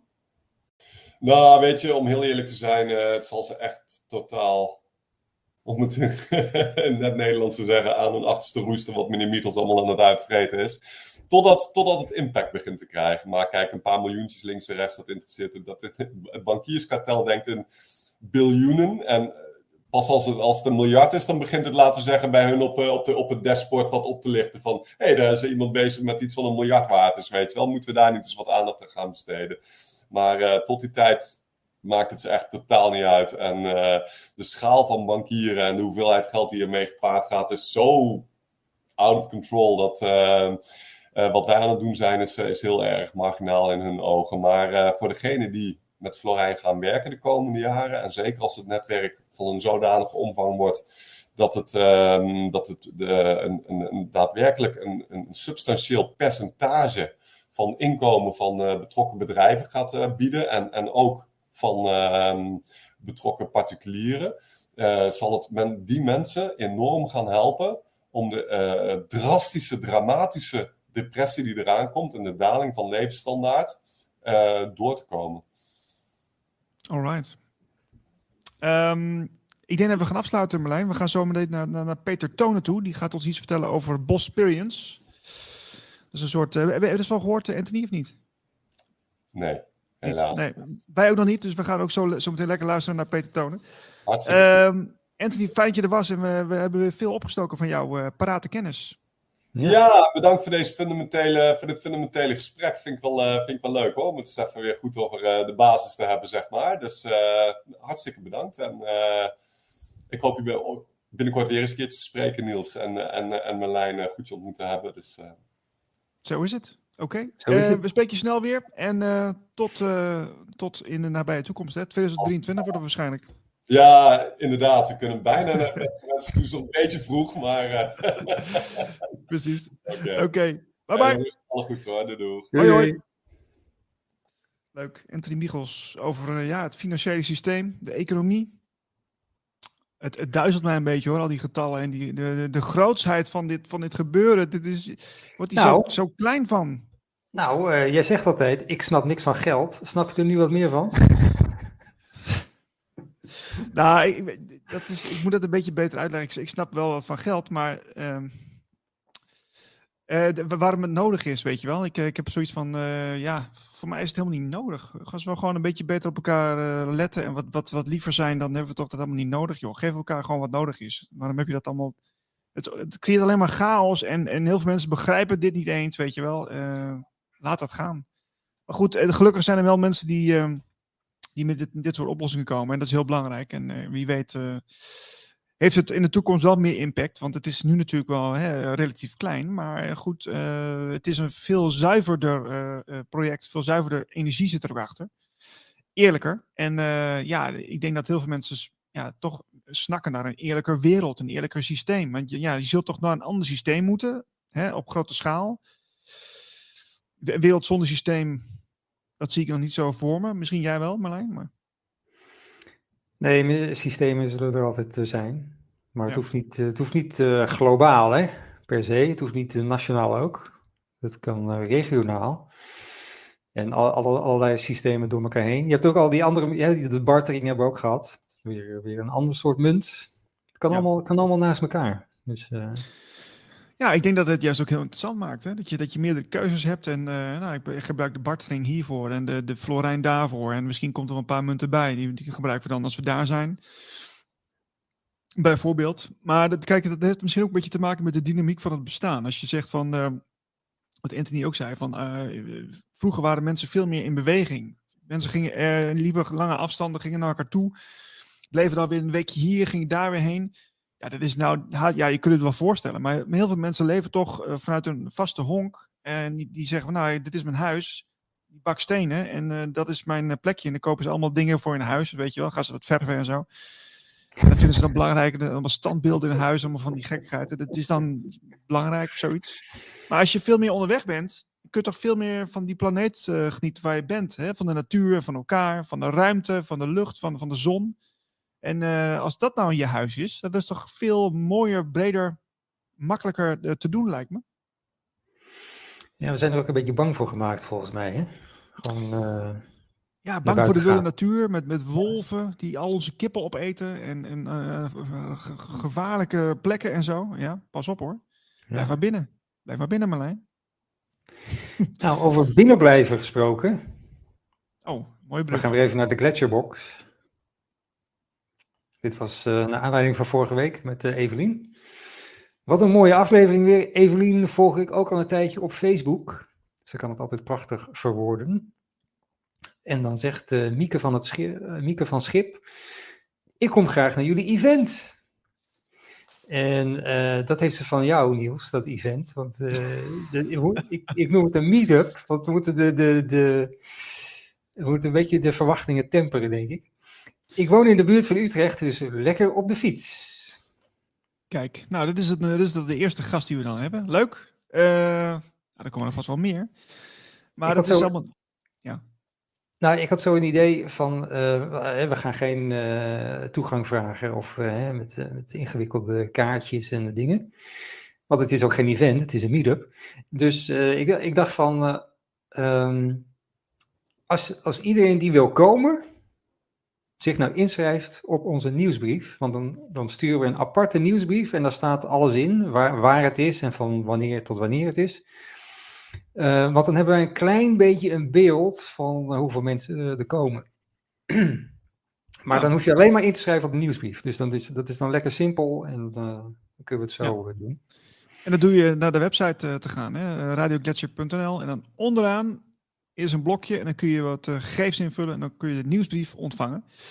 En uh, ja, dat is een goed idee. En uh, we gaan het zo meteen dus ook nog even met Peter hebben over een event. Dat, was wel een echt event. Uh, Bos Experience. Ik moet een beetje, ja, ik vind het een beetje raar naam, Bos Experience. en dat, dat is wel een leuk bruggetje ook zo meteen. Want uh, dat, heeft, dat, ja, dat heeft ook een beetje te maken met de nieuwe media. Peter gaat er ook wat meer over uh, delen binnenkort. Met zijn artikelen, vertelde hij mij, in, in vertrouwen. Oeh. Dus uh, ja, daar, daar gaat, hij gaat wat meer aandacht schenken aan de, de media die al wat langer bezig zijn. Hè, die, bijvoorbeeld Want to Know, misschien ken je het wel. Van Guido Jonkers, die zijn ook al lang bezig hoor, al ruim tien jaar. En ehm, ja, en, en Ella Ster en zo zijn er nog een aantal, die, die eh, ja, voor het uh, corona gebeuren ook al lang bezig waren met alternatief nieuws. En die, die ook al informatie hadden waar wij nu ook wel mee bezig zijn. En die hebben een iets groter archief. En uh, dat is natuurlijk wel leuk om die mensen een keer in het zonnetje te zetten. Om, om eens een keer te vragen: Goh, wat bezielt je nou? Waarom ben je daar zo lang mee bezig? En wat was jouw aanleiding? En zo heeft ieder zijn eigen ingang hè, van ja, ontwaken of geef de naam. 9-11 hoor je heel vaak. Of ja, spiritualiteit of iets anders. Sinterklaas. Sint ja, Sinterklaas ook. ja, nou ja, dat is even een leuk bruggetje. Want ik, ik had hem uh, getipt, hè, het, het, de column van Patricia. Heb je die meegenomen? Ja, ja, ja. Oh ja. Uh, we moeten even beginnen bij... Wat... ik moest hier zo op lachen. Ik moest hier zo op lachen. Waarom nou dan? Ik vind het een goede column hoor. Nee, nee niet de column, maar uh, dit, dit had ze als plaatje erbij haar column gezet. Over complotkleuter Daan twijfelt aan, aan het bestaan van Sinterklaas. Het verhaal wordt in stand gehouden door de volwassen elite. Complotkleuter! ja, complotkleuter. Ja, dit is van Nieuwspaal, dus een soort speld, hè? Maar die komt er natuurlijk aan. Er komen natuurlijk complot, dat gaat een keer gebeuren. Complotkleuter. Ja, oh, we, help, ik heb een complotkleuter in, in huis. Wat moet ik daarmee? Dus ik vond het wel heel... Jongen, jongen, Ja. Maar uh, Patricia had inderdaad uh, een column over Sinterklaas. En ze zegt dat is de eerste stap naar, uh, of de eerste stap van mind control. Ben jij even voordat we, dat je mee begint, ben je het daarmee eens of niet? Um, in, in zekere zin, ja. ja. Ik bedoel, dat Waarom? hele Sinterklaasfeest, daar kun, je, daar kun je heel veel dingen over zeggen. En het is niet het enige. Het is niet van, oh, we worden, worden, hè, we worden met leugens worden we ergens ingetrokken, wat niet echt is. En we moeten onze intuïtie moeten we niet volgen. Want uh, nee, hij bestaat gewoon. Hij bestaat gewoon. Uh, dus niet, het is niet zo dat we, oh, oh, we geloven in Sinterklaas, dus we zijn automatisch vatbaarder voor mind control later uh, in ons leven. Want er gebeuren ook nog allemaal andere dingen en, uh, we hebben ook nog een heel onderwijs, dat speelt allemaal mee. Maar in, in principe, ja, dit, dit is wel iets wat je van heel jong krijg je dit inderdaad al inge, ingelepeld. Ja, maar dan, dan gaat een beetje hand in hand natuurlijk met, met de gewoontes, de gebruiken van je ouders. Hè? en en de, de, de overtuigingen waar die in leven, van dit is normaal, doe eens normaal. Hoor je ook heel vaak. Nou, even normaal doen. Ga eens even normaal zitten. Dat soort dingen. Dat is, dat is, ook, ja. dat is ook een controleapparaat hè, over, de, wat over, over ons heen gelegd als kind. En uh, ja, dan, oh, dan opeens heb je door wat normaal is. Je kunt het niet eens uitleggen in woorden, maar je weet, je, je weet het wel. Nee, er wordt helemaal niet uitgelegd wat normaal is. Je moet maar denken van, oh, oh dit is dus blijkbaar normaal. Uh, Oké. Okay. Okay. Ja. Maar ja, er, nee, is, precies, er is niks. Er is niks normaal. Ja, er is een soort norm waar iedereen zich aan houdt, maar dat is niet per se normaal. Nee. Maar goed, nou ja, oké. Okay. En uh, dus, nou ja, inderdaad, de eerste stap van mind control. Maar we kunnen even doorheen gaan. Ja. Uh, een van de grootste leugens in mind control systemen in Nederland heet Sinterklaas. Terwijl volwassen mannen zich druk maken over de verandering van de traditie Zwarte Piet tot Schoorsteenpiet, vraag ik mij het een en ander af. Wat is de angst of het verlangen van deze overwegend blanke mannen die met grof geweld Zwarte Piet willen behouden? Laten we eens kijken of we erachter kunnen komen. Het heilige kinderfeest waarbij kindertjes van Nederland de eerste grote leugen in hun leven zullen horen. Kinderen worden op zeer jonge leeftijd in contact gebracht met het concept van een hele oude man uit een ver land die cadeautjes uitdeelt. Maar er is een keerzijde. Wanneer het kind niet lief is in de aanloop naar het cadeaufeest toe, dan volgt er straf. Geen cadeaus, een pak slaag met de roe of nog erger meegenomen worden, opgesloten in een zak, in de kelder van een boot en verdwijnen naar een ver land. Sinterklaas is een maand lang Big Brother. Hij weet alles wat jij doet. Het staat namelijk allemaal in het grote boek. De ouders maken gretig gebruik van het manipulatieve middel geloof. De kinderen geloven blind de leugens en zijn onrustig, opgetogen en angstig. Bij elke gelegenheid wordt nog even verteld wat er met je gebeurt als je niet braaf bent.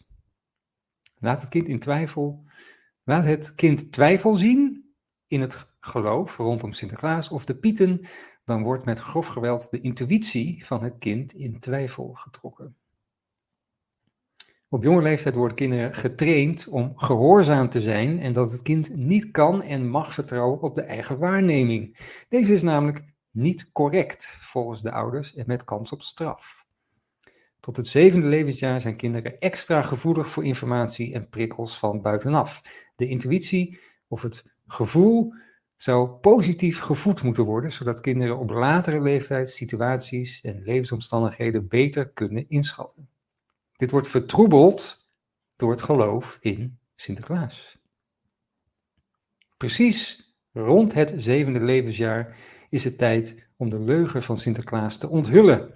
Dus jarenlang heeft het kind de ouders en het verhaal geloofd. En dan, nee, het was een leugen. Geen sprookje, niets. Deze gebeurtenis geeft trauma, onveiligheid door de leugens van de ouders en een intens gevoel van verlies. Vanaf nu is niets meer hetzelfde voor een kind. Had jij dat ook nieuws? Dat je, dat je, kan je dat nog herinneren, dat je erachter kwam dat hij niet bestond? Nou, ja, uh, niet heel scherp, maar ik, uh, ik heb wel een, een, moment voor me dat, dat ik uh, tussen de traptreders doorkeek en dat mijn vader iets in mijn schoen deed.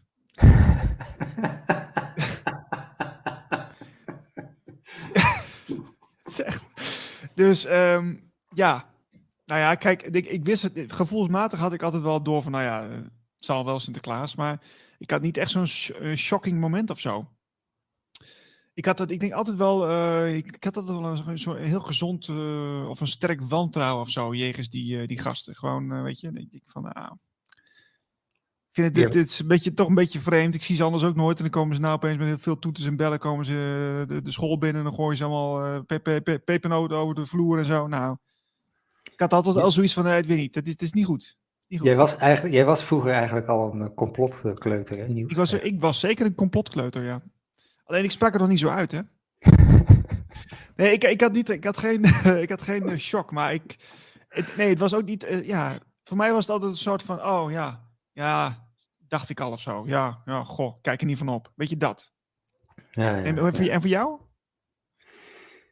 Ja, ik vond, ik, je stopt ook eh, briefjes en zo voor Sinterklaas in je schoenen, om dat mee te nemen. En toen, toen deed ik een keer la open. En toen zag ik al die briefjes liggen. en ik denk dat ik toen al een keer op school een klasgenootje had horen zeggen van, ja, mij bestaat helemaal niet. Dus ik, toen, toen hè, 1, 1 plus 1 is 2, toen dacht ik ja. En toen ging mijn moeder het nog, nog ontkennen ook. Toen dacht ik, nee, hier trap ik niet meer in. Hier trap ik niet meer in. Nee, maar dat was ook inderdaad. Um, dat was ook zo. Dat, dat, dat, krijg je ook vaak in die bovenbouw. Ik zat natuurlijk als, als klein kind in de onderbouw, noemen ze dat, hè, op school. En de bovenbouwen, die grote jongens, die roepen dan af en toe wel eens iets. En dan hoor je dat, denk ik, nou, zou het niet bestaan? Dat, ja, dat zeiden, dat zeiden ze in groep 8. Dat zeiden ze dat het niet bestaat. Zou het echt waar zijn? En dan, nee, nee, zegt de juf. Nee, dan moet je niet luisteren. Die jongens zijn groep 8. Die zijn een beetje stoute jongens. Die krijgen straks niks. Weet je, zo, zo wordt het een beetje bespeeld natuurlijk. Uh, ja, grappig hè? De beïnvloeding van het kind is geslaagd. Ready for mind control. Wat betreft de angst om Zwarte Piet te verliezen, door trauma van de leugen raken mensen angstig bij de gedachte aan verandering.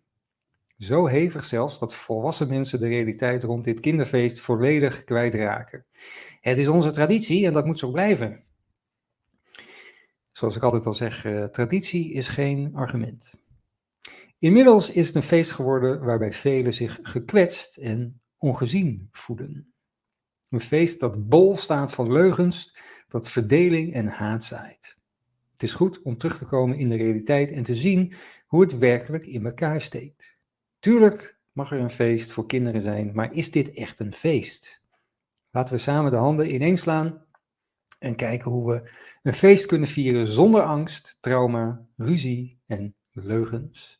Dan kunnen we echt feest vieren. Al dus Patricia Menzink. Ja, ik ben het helemaal met de eens. Ik, uh, ik dacht ook toen ik het las, ik, ik was nog niet tot dit inzicht gekomen. Dus voor mij was, het, was dit, nieuw, dit, dit inzicht. Maar toen dacht ik ook inderdaad, nou ja, inderdaad. Als we niet allemaal feest kunnen vieren, ook al um, uh, zijn de aannames en de overtuigingen uh, niet kloppend, dat maakt niet uit. Ook al zit jij in een overtuiging van Zwarte Pieters racisme of niet, Dat maakt niet uit. De, het feest is al uh, ja, verstierd. Het is al kapot. Dus laten we daar dan niet meer in blijven. Laten we dan zeggen van oké, het is voor niemand leuk meer. Voor niemand meer. Dus het maakt niet of je voor of tegen. Laten we er gewoon mee stoppen. Want mensen gaan elkaar in elkaar slaan omdat ze Zwarte Piet zijn of, of niet. Of weet ik veel wat ze allemaal bedacht hebben. Stop daar gewoon mee. Het is, het is kinderachtig. Het is, het is echt laag. En, en maak gewoon een nieuw feest. En dat kan toch ook ergens anders over gaan. Laten we gewoon ja, iets anders bedenken. Ik ben er helemaal voor. Wat jij? Ik, ik, nou, ik had het uh, wel in een hele andere vorm wel een keer eerder gehoord, dit, uh, de, deze column. Maar dat was van Harry Jekkers, volgens mij. Hmm. Die zei van uh, in, een, in een conferentie. Die zei: we, we worden erin geluisterd als kind. En we worden jarenlang voorgelogen, jarenlang, jarenlang. En dan komt het eindelijk uit dat hij dat die niet bestaat. En we hebben in een leugen geloofd. En wat doen we, en wat doen we dan? Dan gaan we in de puberteit. dan gaan we ze terugpakken. dat was een ja, beetje zijn grap toen. Ja. ja, die dus snap ik wel. Die is ook wel lekker binnen het systeem, die grap. Heerlijk, die kun je altijd vertellen. maar maar de, weer geen concrete oplossing. Ik, ik ga Harry Jekkers, Harry Jekkers is het leuk, dus ik ga ik niet uh, afbranden. Maar, uh, maar dat, dat, weet je, dat is ook weer iets. Dat, we gaan er allemaal soorten lagen van pijn heen. Hè? Dus, dus ook die tradities. want je zegt traditie is geen argument, ben ik het helemaal mee eens. Alleen dat zijn hele vervelende dingen die je zegt, Marlijn. Traditie, dat is traditie. Dat doen we oh. altijd. En dat, ja, zeker. Heel veel mensen die houden daarvan. En die, die, die kijken uit naar, naar ja, kerst en Sinterklaas en al die, uh, die, die ideeën, ja, die, al die dingen. Nou, mag ik even zeggen? Mag ik even zeggen? Al die mensen die nou roepen van uh, er hangen geen zwarte pieten meer bij de bijenkorf in de etalage. Ze pakken ons alles af. Uh, een winkel zet iets niet meer in een etalage. En dan, word dan, dan pakken ze iets van jou af. Zeker. De sfeer. Ja, maar... Eh, ja, ik, ik probeer het toch niet te begrijpen, maar... Het is natuurlijk leuk dat vroeger, hè, vroeger waren al die etalages, oh, dat was allemaal heel gezellig en ze deden allemaal hetzelfde en overal waren Pieten en Sinterklaasen en uh, ik, snap dat, wel, ik snap wel dat dat beeld leuk is en dat het, dat het nostalgisch is, ik snap het allemaal wel, maar iedereen heeft toch gewoon, elk, elke uitbater mag toch doen wat hij wil. Het is toch ook weer duidelijk, hè? Als, als dit de, jouw werkelijk, werkelijkheid uh, inkleurt of bepaalt. Dus de, dus de winkelmanager. Of uh, de kassajuffrouw. Of uh, degene van het journaal die het voorleest avonds. Als diegene bepaalt wat jouw werkelijkheid is. Hoeveel macht heb je dan over je werkelijkheid?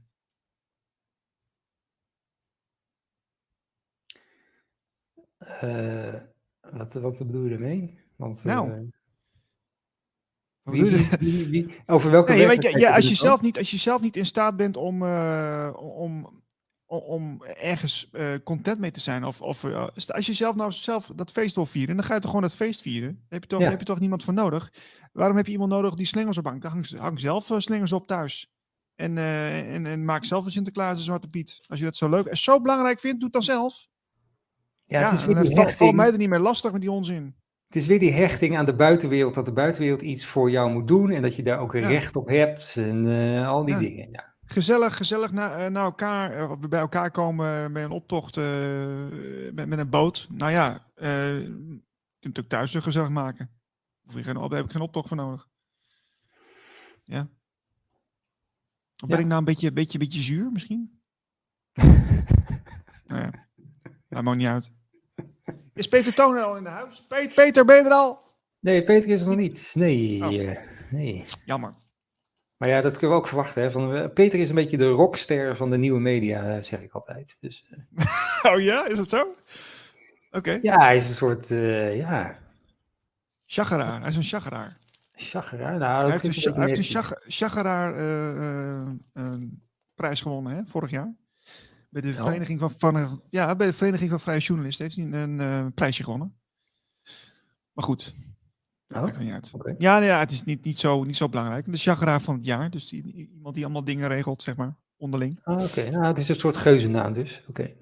Zo kun je het zeggen, ja. Dus, uh, nou ja.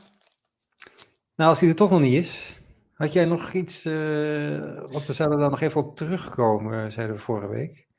Oh, Graham Hancock. Ja, ik ben inmiddels bij de aflevering. eh, we hebben Malta gehad. En toen gingen we door. Even kijken, waar zitten we nu? Waar zit jij? Ik heb ze allemaal gehad. Oh, je bent al klaar. Oké. Dus Malta, ja, volgens mij ging je toen naar Florida, naar die, eh, die, die rare weg in de zee. Ja, nee, bij Florida inderdaad, die weg in de zee hebben gehad. En dan vervolgens ook ehm, eh, Ohio, dus echt het binnenlanden van Amerika, waar je die grote slang had, weet je? Die grote slang die daar neergelegd was. Ja, Eh, die, die hebben het gehad. En dat, dus wij moeten nog twee afleveringen, zeg ik volgens mij, aan mijn hoofd. Ja. Oh, oké. Die slang was wel interessant, want die, had, eh, die zat er weer op, op helemaal bepaalde eh, richtingen. Die, al die, die, eh, die boogjes, die, die wezen allemaal naar een plek van de, de, de en, en de equinoxes. En zelfs de, de, de uiteinde van de staart, ik weet niet meer precies waar het naar wees, maar die had ook een bepaalde... Ja, wat wel interessant is natuurlijk, dat, dat je bij al die oude bouw, eh, bouwwerksels zie je, zie je gewoon dat ze allemaal uitgelijnd zijn naar, naar, ehm, ja, naar planeten hè, en naar, eh, naar het universum. En dat, dat heldere sterren worden, wo- wo- ja, worden gezien. En, ehm, en ook in een bepaald tijdsgevricht. Dat is ook interessant, dat je dus kunt nagaan, en daar hebben ze dus gewoon eh, software voor, dat ze met zo'n zo'n apparaatje kunnen nagaan, hey, dit bouwwerk staat zo eh, uitgelijnd. eh, in die tijd kunnen ze terugrekenen naar, naar die tijd. En dan kunnen ze dus nagaan van, oh, dan moet het over die, dat sterrenstelsel gaan, weet je wel?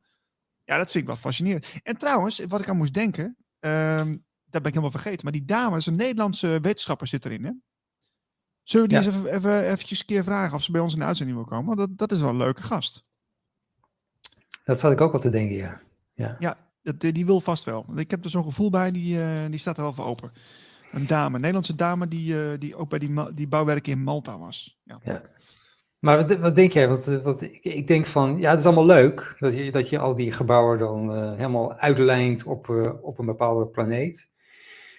Ehm, en oh, oh, dan hebben we, dan hebben we, dan valt net het licht, valt dan op die ene dag, 21 juni of zo, valt het licht dan precies eh, in, in zo'n grot of eh, whatever. Eh, dat is allemaal leuk, maar daar, daar moet toch ook iets mee gedaan zijn dan? Er moet toch een soort functie ook van, van dat licht, van die planeet, of daar moet toch iets mee gedaan zijn, energetisch of... eh, Nou, je zou toch denken dat dat, dat dat ook wel te maken heeft met eh bepaalde afkomst van die planeten. Ja, maar dan, ja, maar dan, dan nog is het een, alleen maar een soort symbolisch iets. Van, oh, we komen daar vandaan, dus dan, oh, we, we eren het. Dit is een soort, eh, ja, een soort, eh, niet echt een standbeeld, maar eh, een, een vereringsplek of zo naar die planeet toe. Maar dat is symbolisch. Ja. Er, er moet toch ook iets anders, dat ze daar echt actief ook iets mee gedaan hebben. Zou je wel denken? Ja, anders is het wat, is het, blijft het een beetje, een beetje statisch of zo. Een beetje voorzichtig. En je zou toch denken.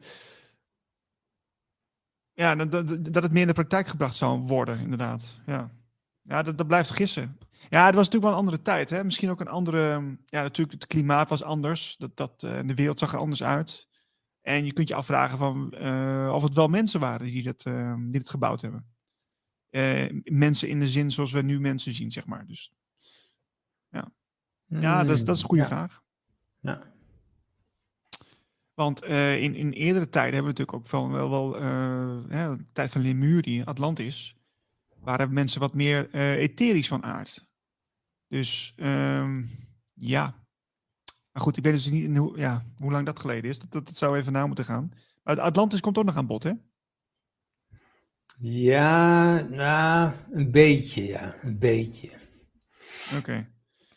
Ehm, maar je hebt niet, die, heb je die in Turkije al gezien? Met die hele ondergrondse... Ja, Gobekli Tepe hebben we gezien. Ja, die hebben we gezien. En eh, ja, dat was wel indrukwekkend. Hè? Ook dat ze kunnen zien met zo'n zo'n sensor, kunnen ze dus onder die eh, gebergtes kunnen ze dus scannen van dat daar ook eh, soortgelijke structuren liggen. Dat is wel fascinerend. Dus ja, dan zou je toch zeggen, dat moet toch eigenlijk binnen een aantal jaar moet je ook wel hele grote andere plekken ontdekken op aarde. Hè? Wat dacht je van onder water? Eh, wat allemaal niet te vinden is. Dat is ook eh, fascinerend. Dan- zou je toch ja, en wat, wat ik wel een beetje eh, vervelend vind, en mijn, mijn vriendin die het ook al een paar keer, van, dat hij de hele tijd op de besje op de, de mainstream archeologie. Dat, dat, valt wel een beetje op dat je denkt van nou kan het wel weer Graham. Okay. Nou, nou, er zijn allemaal artikelen nu verschenen de laatste week of zo. Van allemaal, ook, ook die hem helemaal afmaken. Die zeggen van ja, die Graham Hancock die, die verspreidt allemaal uh, hè, complottheorieën en een white supremacist is het. En, uh, allemaal Fake news. Achterlijk, achterlijk. Maar de, de aanval wordt echt uh, ingezet. Ja, fake news uiteraard. Nou, het is zes over half, dus ik denk dat Peter wel zo een keer moet komen. Hij zal toch wel wakker zijn? Ja, jawel. Ik heb hem ook een mailtje gestuurd, dus hij moet het hebben. Uh, het zal niet de eerste keer zijn. ja. Aha, aha. Nee, ik heb het niet over Peter. Ik heb het gewoon in het gast in het algemeen. Dus, uh, oh. Nee, nee, nee, nee, niet, nee, nee, oh. zo ben ik nou ook weer niet hoor. Nee, niet aan, aan het publiek. Ja. Ik heb nog even nou, een tweetje. Oh, heb je nog een tweetje? Wat leuk. Oh, de wereld draait rond. Ja. ja. Dat is mijn eigen tweet. Nou, het schandaal, het grote schandaal van uh, Matthijs van Nieuwkerk. Uh, heel lang artikel was het. En waar, waar ze ook allemaal gewoon uh, de, de, seksuele uitspattingen van Matthijs hadden ze niet meegenomen, hè? Stond er allemaal niet in. Hadden ze expres weggelaten uit het verhaal. Oké, ja, ik heb het niet gelezen. Ik heb, ik heb, ik, mijn vriendin heeft het wel gelezen, maar ik heb het zelf niet gelezen. Maar, maar wat, wat, wat wil je erover kwijt verder, behalve deze tweet? Nou, um, in dat artikel las je van heel veel mensen. Kijk, er was een soort angstcultuur daar. Hè? Ja. Dus ze durfden niet op te, op te staan. En, uh, en iedereen uh, die, ja, die was een beetje. als Mat Matthijs het maar goed vindt. En, en de eindredacteur en zo. en nu valt iedereen over Matthijs heen. En dan, dan denk ik van ja, de les is niet. Laten we als een bloeddorstige meute Matthijs van Nieuwkerk op de balanstapel zetten. De les moet zijn Laten we bewuster worden van de keuzes die we allemaal individueel maken en ervoor zorgen dat we die niet meer op angst baseren. En toen kreeg ik meteen een reactie van iemand die zei: Ja, maar die, uh, die uh, moet je je dan maar zomaar laten ontslaan, want als je iets zegt, dan word je ontslagen. En, uh, ja, ja. Want dan ga je met opgeheven hoofd, loop je dan dat gebouw uit. En dat is, dat is ook wel een beetje simpel. Wordt gebeld. Oh, in ieder geval, de wereld daardoor, die had dus uh, een soort uh, clausule in, ieder, in, ieder, uh, in het contract van iedereen, waarin stond dat ze mochten dus niet tussentijds weglopen of opzeggen, want dan kregen ze een boete. Ze kregen een boete van 2.000, 3.000 euro of zo, als ze het programma als redacteur vroegtijdig zouden verlaten. Dus ze waren aan alle, alle kanten waren ze ingeklemd. Uh, maar ja, dan, dan moet je, ja, ik zou dan toch zeggen, ja, uh, waarom, waarom, waarom dan toch zo'n contract tekenen als dat erin staat? Dat, dat lijkt me een grote uh, alarmbel. Maar goed. Al die mensen zitten met burn-outs en, en angsten en weet ik veel, die zitten allemaal thuis. Dus ja, dan moet, we moeten wel de goede les trekken dan. Ja, weet je wat leuk is aan deze tijd? Is dat je ziet eigenlijk uh, naast uh, dit, dit uh, schandaal heb je natuurlijk ook hebben The Voice gehad. Hè? En, en, en volgens mij nog een paar. Dat je, dat je ziet gewoon dat, dat, die, dat die werkcultuur um, ja, gewoon niet gezond is. Überhaupt niet. Hè? En, en dat, nu is misschien de showbiz misschien een, een extreem voorbeeld. Maar dan zie je dus dat mensen veranderen in duiveltjes. Hè? Als, als, er, als er een grote druk op komt, je moet elke dag presteren met een live programma. Uh, en uh, je ziet dat mensen dus eigenlijk gewoon bezwijken onder die druk. Op wat voor manier dan ook. Hè? Dus de, die, de showman die wordt uh, te belangrijk en die krijgt narcistische trekjes. En dat ziet hij zelf niet, omdat hij helemaal bezig is met zichzelf en ja, op allerlei manieren. en de omgeving die moet daar aan dienen, want het, het succes is te groot geworden. Dus we kunnen niet zeggen van ja, nee, we gaan de, de man die succes heeft, dus eventjes elimineren, want dat, hij, is, hij gedraagt zich wat onfatsoenlijk. Nee, maar die, die, die zit inmiddels op de troon. Dus ja, de rest moet daar dan dienend aan zijn. En ja, dan ontstaat zo'n hele toxische omgeving eigenlijk. Hè? Ik, ja, ik, vind, ik vind het al heel mooi dat het, dat het gebeurt.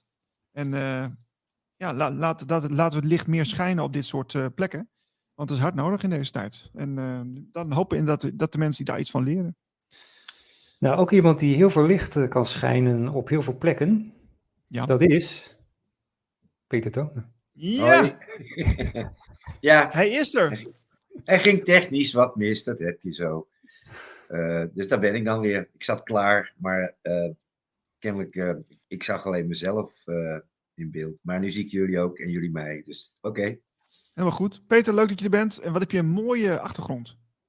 Ja kijk, dat heb ik nou te danken aan een lezing. Ik, ik heb hier allemaal bossenbloemen in mijn huiskamer. Die krijg je als je lezingen geeft soms. Maar deze is wel heel mooi. Die heb ik van uh, zondag gekregen in Alkmaar. Ofwel Ouddorp, een kerkje in Ouddorp, dat ligt bij Alkmaar.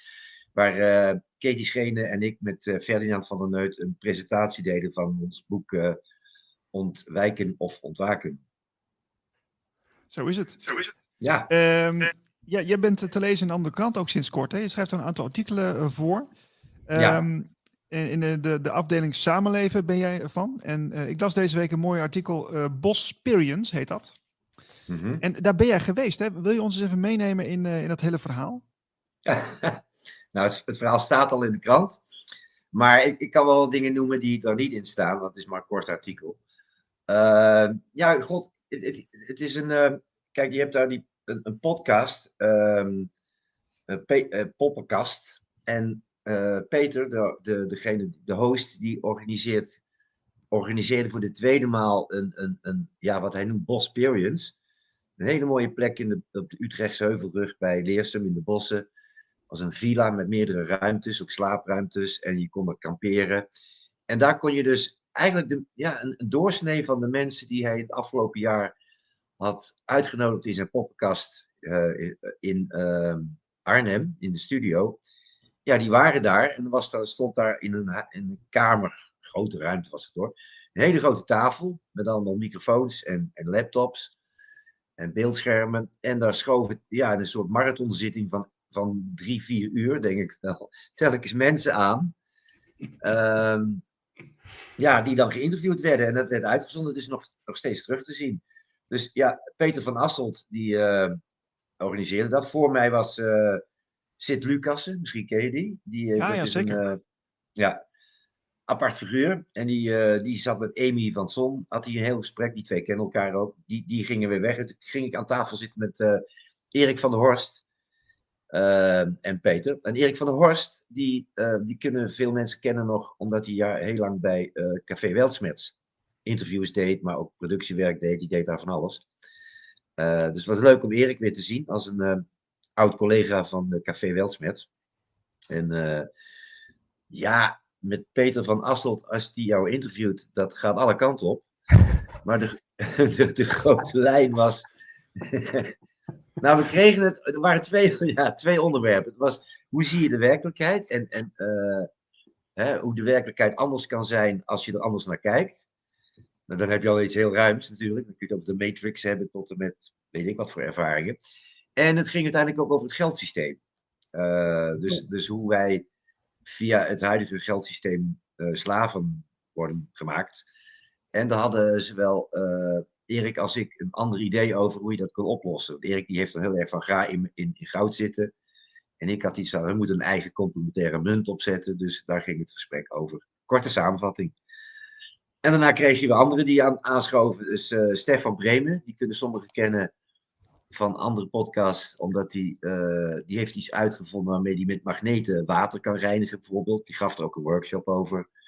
Uh, nou ja, Chris Volgers en uh, Mickey van Leeuwen, die is in bepaalde kringen weer bekend met zijn als complotdenker. Oh ja. Ja, zo, zo schoof er van alles aan daar. En... Ja, maar en, en Peter, je, je, er was ook gewoon een weekend, toch? Waar je dan. ja, ja, ja, ja. Kamperen weekend eigenlijk. Ja. Hoe, ja, hoe was, was dat eigenlijk?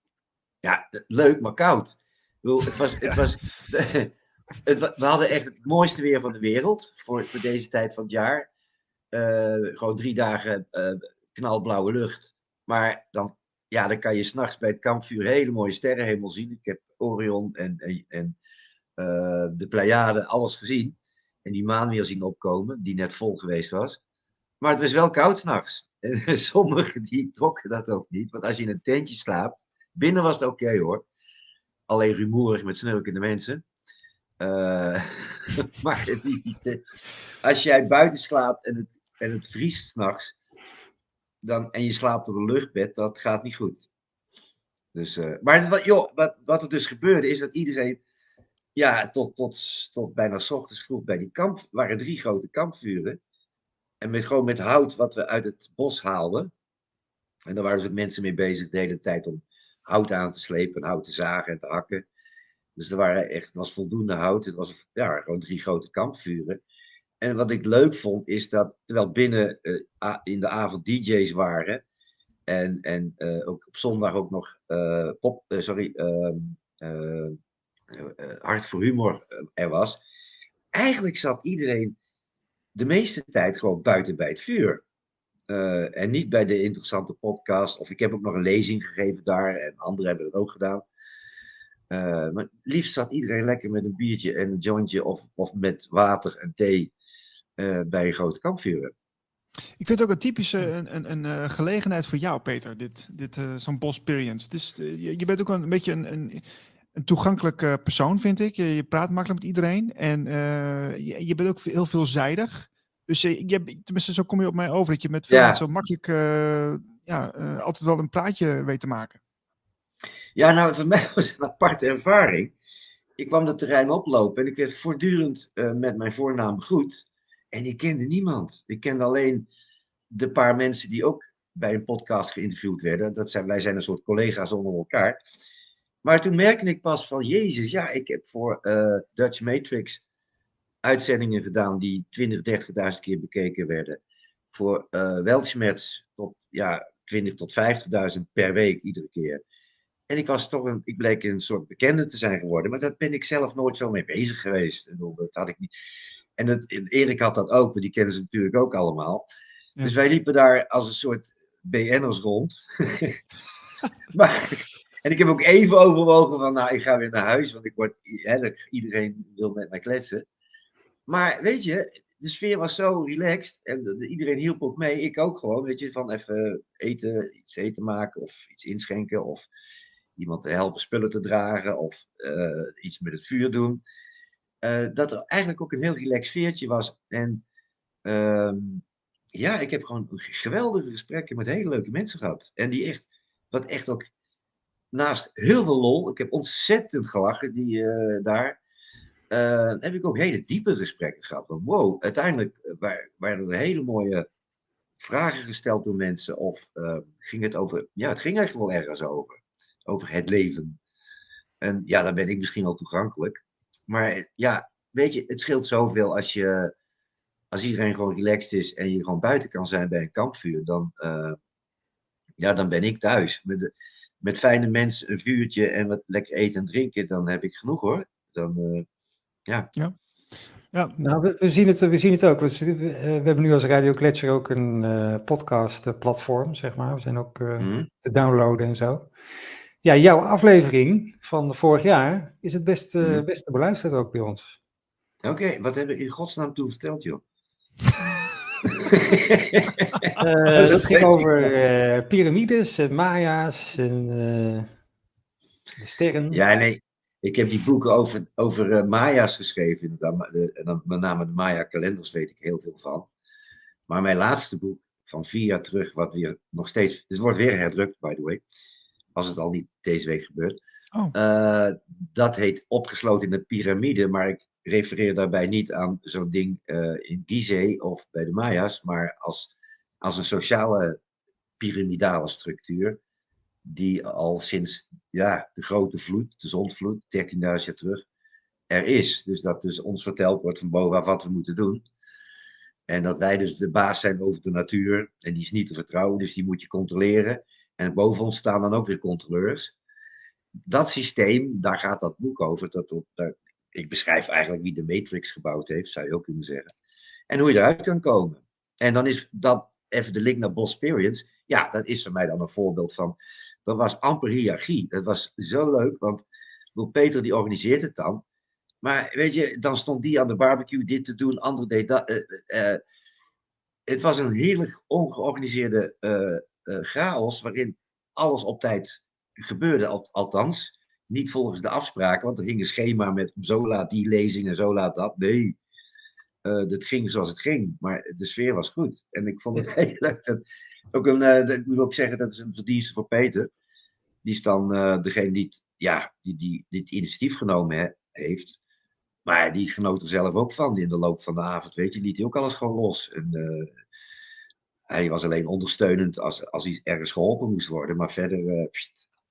Dus het was, het was een mooi voorbeeld van hoe je wel een structuur neerzet, maar vervolgens het samen uh, draagt, waardoor er spontaan dingen kunnen ontstaan en ja, iedereen kon genieten.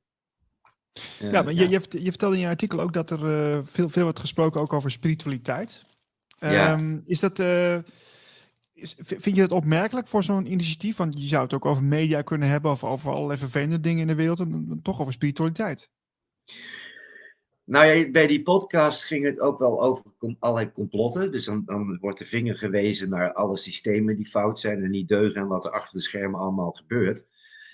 Maar eh, in de één op één gesprekken, maar ook in de lezing die ik gaf en in de andere gesprekken, gaat het dan toch wel over, uh, nou ja, wat kan jij bijdragen? En dan kom je bij jezelf terecht, dan wordt het een spiritueel verhaal. Het valt mij sowieso op, als ik met, laat, noem het dan wakkere mensen praat, of mensen die de andere krant lezen, uh, dat je het ook heel makkelijk wel over spirituele zaken hebt, maar dan losgekoppeld van religie. Dus meer, kijk, voor mij spiritualiteit, woord spirit zit erin, het is, en inspiratie zit er ook in.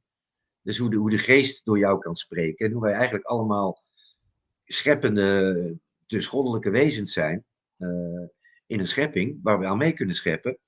En dan, dus dan heb je het al heel snel over ja, wie ben je en, en uh, hoe zit de wereld en het leven in elkaar. Dat gaat dan heel. Kijk, op een gegeven moment moet je gewoon stoppen met wijzen naar anderen en, naar het systeem.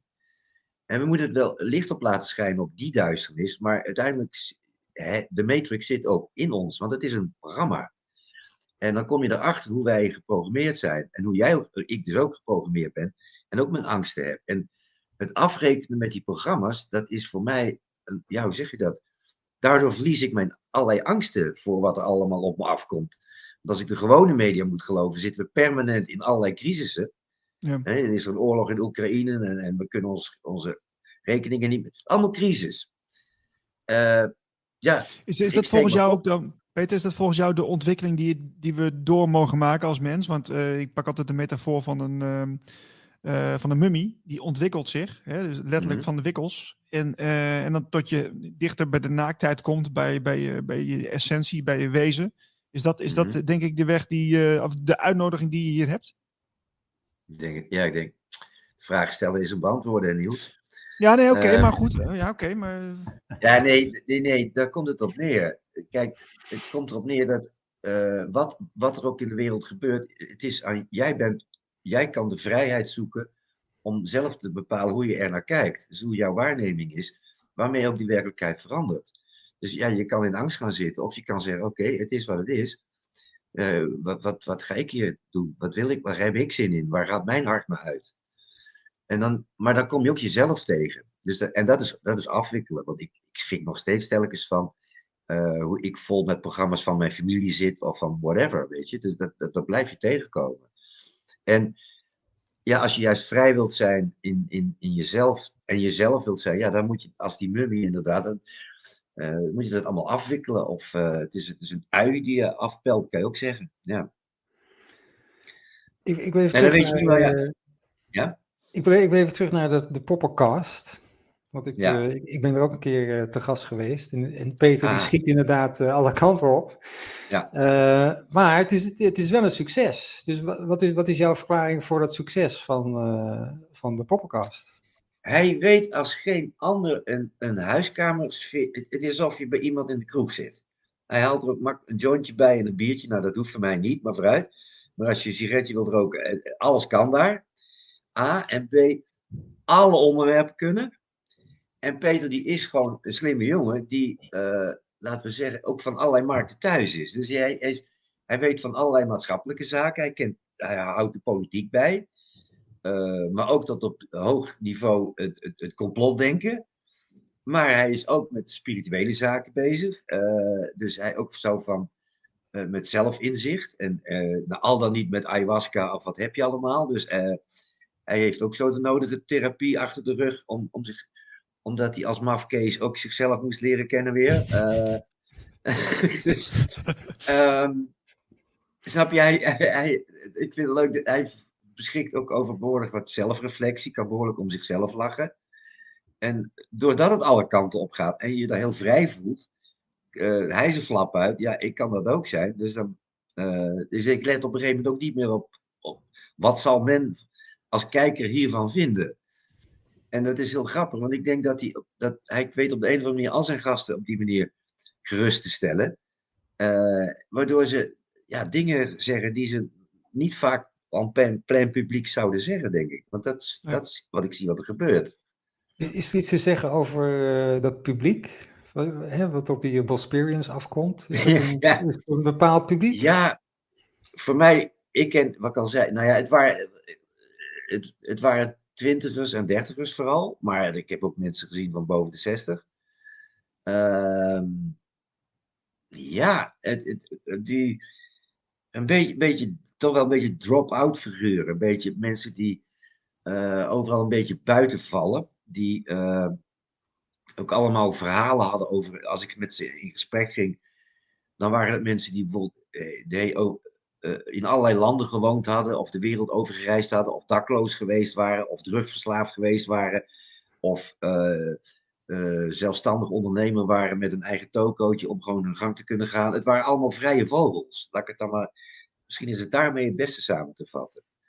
Niet allemaal types die een, een, een, een vaste baan hadden. Geen keurslijf. Nee. nee, geen keurslijf mensen. Maar dan ook, dus ook niet te plaatsen, snap je? Dus ik heb daar, het waren ook geen hippie-figuren.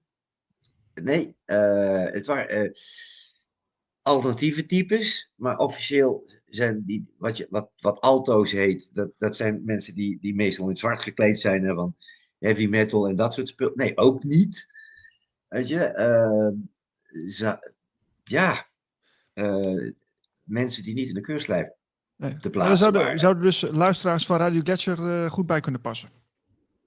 Oh, de, ja, ik, ik weet niet of jij je. Dat is een interessante vraag, want ken jij je publiek? dat, moet je, dat merk je ook pas. Kijk, nee, bij Café Welsmans hebben ook af en toe. Bij Café Welsmans hebben we af en toe. Je krijgt natuurlijk reacties. Maar we hebben daar ook wel eens een, een avond. Uh, onlangs nog uh, Karen Hamaker. Uh, heb je dat een symposia georganiseerd worden. En dan zie je letterlijk je publiek. En dat is ook fijn. Uh, dan kom je erachter wat voor mensen het allemaal zijn. Um, maar dat is het stomme met een podcast. En je podcast creëert ook nog zijn eigen bubbel. Want die hebben vaak een chatbox. En dan zit je dus, dan heb je dat, dat, dat family experience gevoel. Ja. Uh, hè, van ik hoor erbij. Maar het is ook een soort bubbel waar je in zit. En uh, ja, hoe zeg je dat? Ja, ik, ik kreeg ook een soort vraag van. Uh, er zijn al die verschillende podcasts allemaal, die kennelijk allemaal een eigen publiek hebben en ook overlap hebben. En ik moet zeggen, Poppenkast, dat is wel een, een publiek.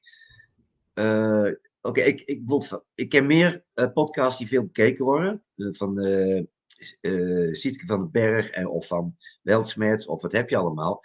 Daar kan ik het publiek aardig van duiden. maar van Poppenkast is het. misschien is dat wel leuk, hè? Dat is moeilijk te dat was dat vind ik moeilijk te duiden publiek. Rondgezelschap. ja. nou, wel leuk, ja. Peter. Uh, ik, vond, ik vond het een mooi artikel. Daarom heb ik je even uitgenodigd om eventjes wat erover te vertellen. Um, ik, ik, hoop ook dat er een volgende Bos uh, Perience komt. Maar er komt ja, die gaat jaar, komen. Ja, hij schrijft. Komt...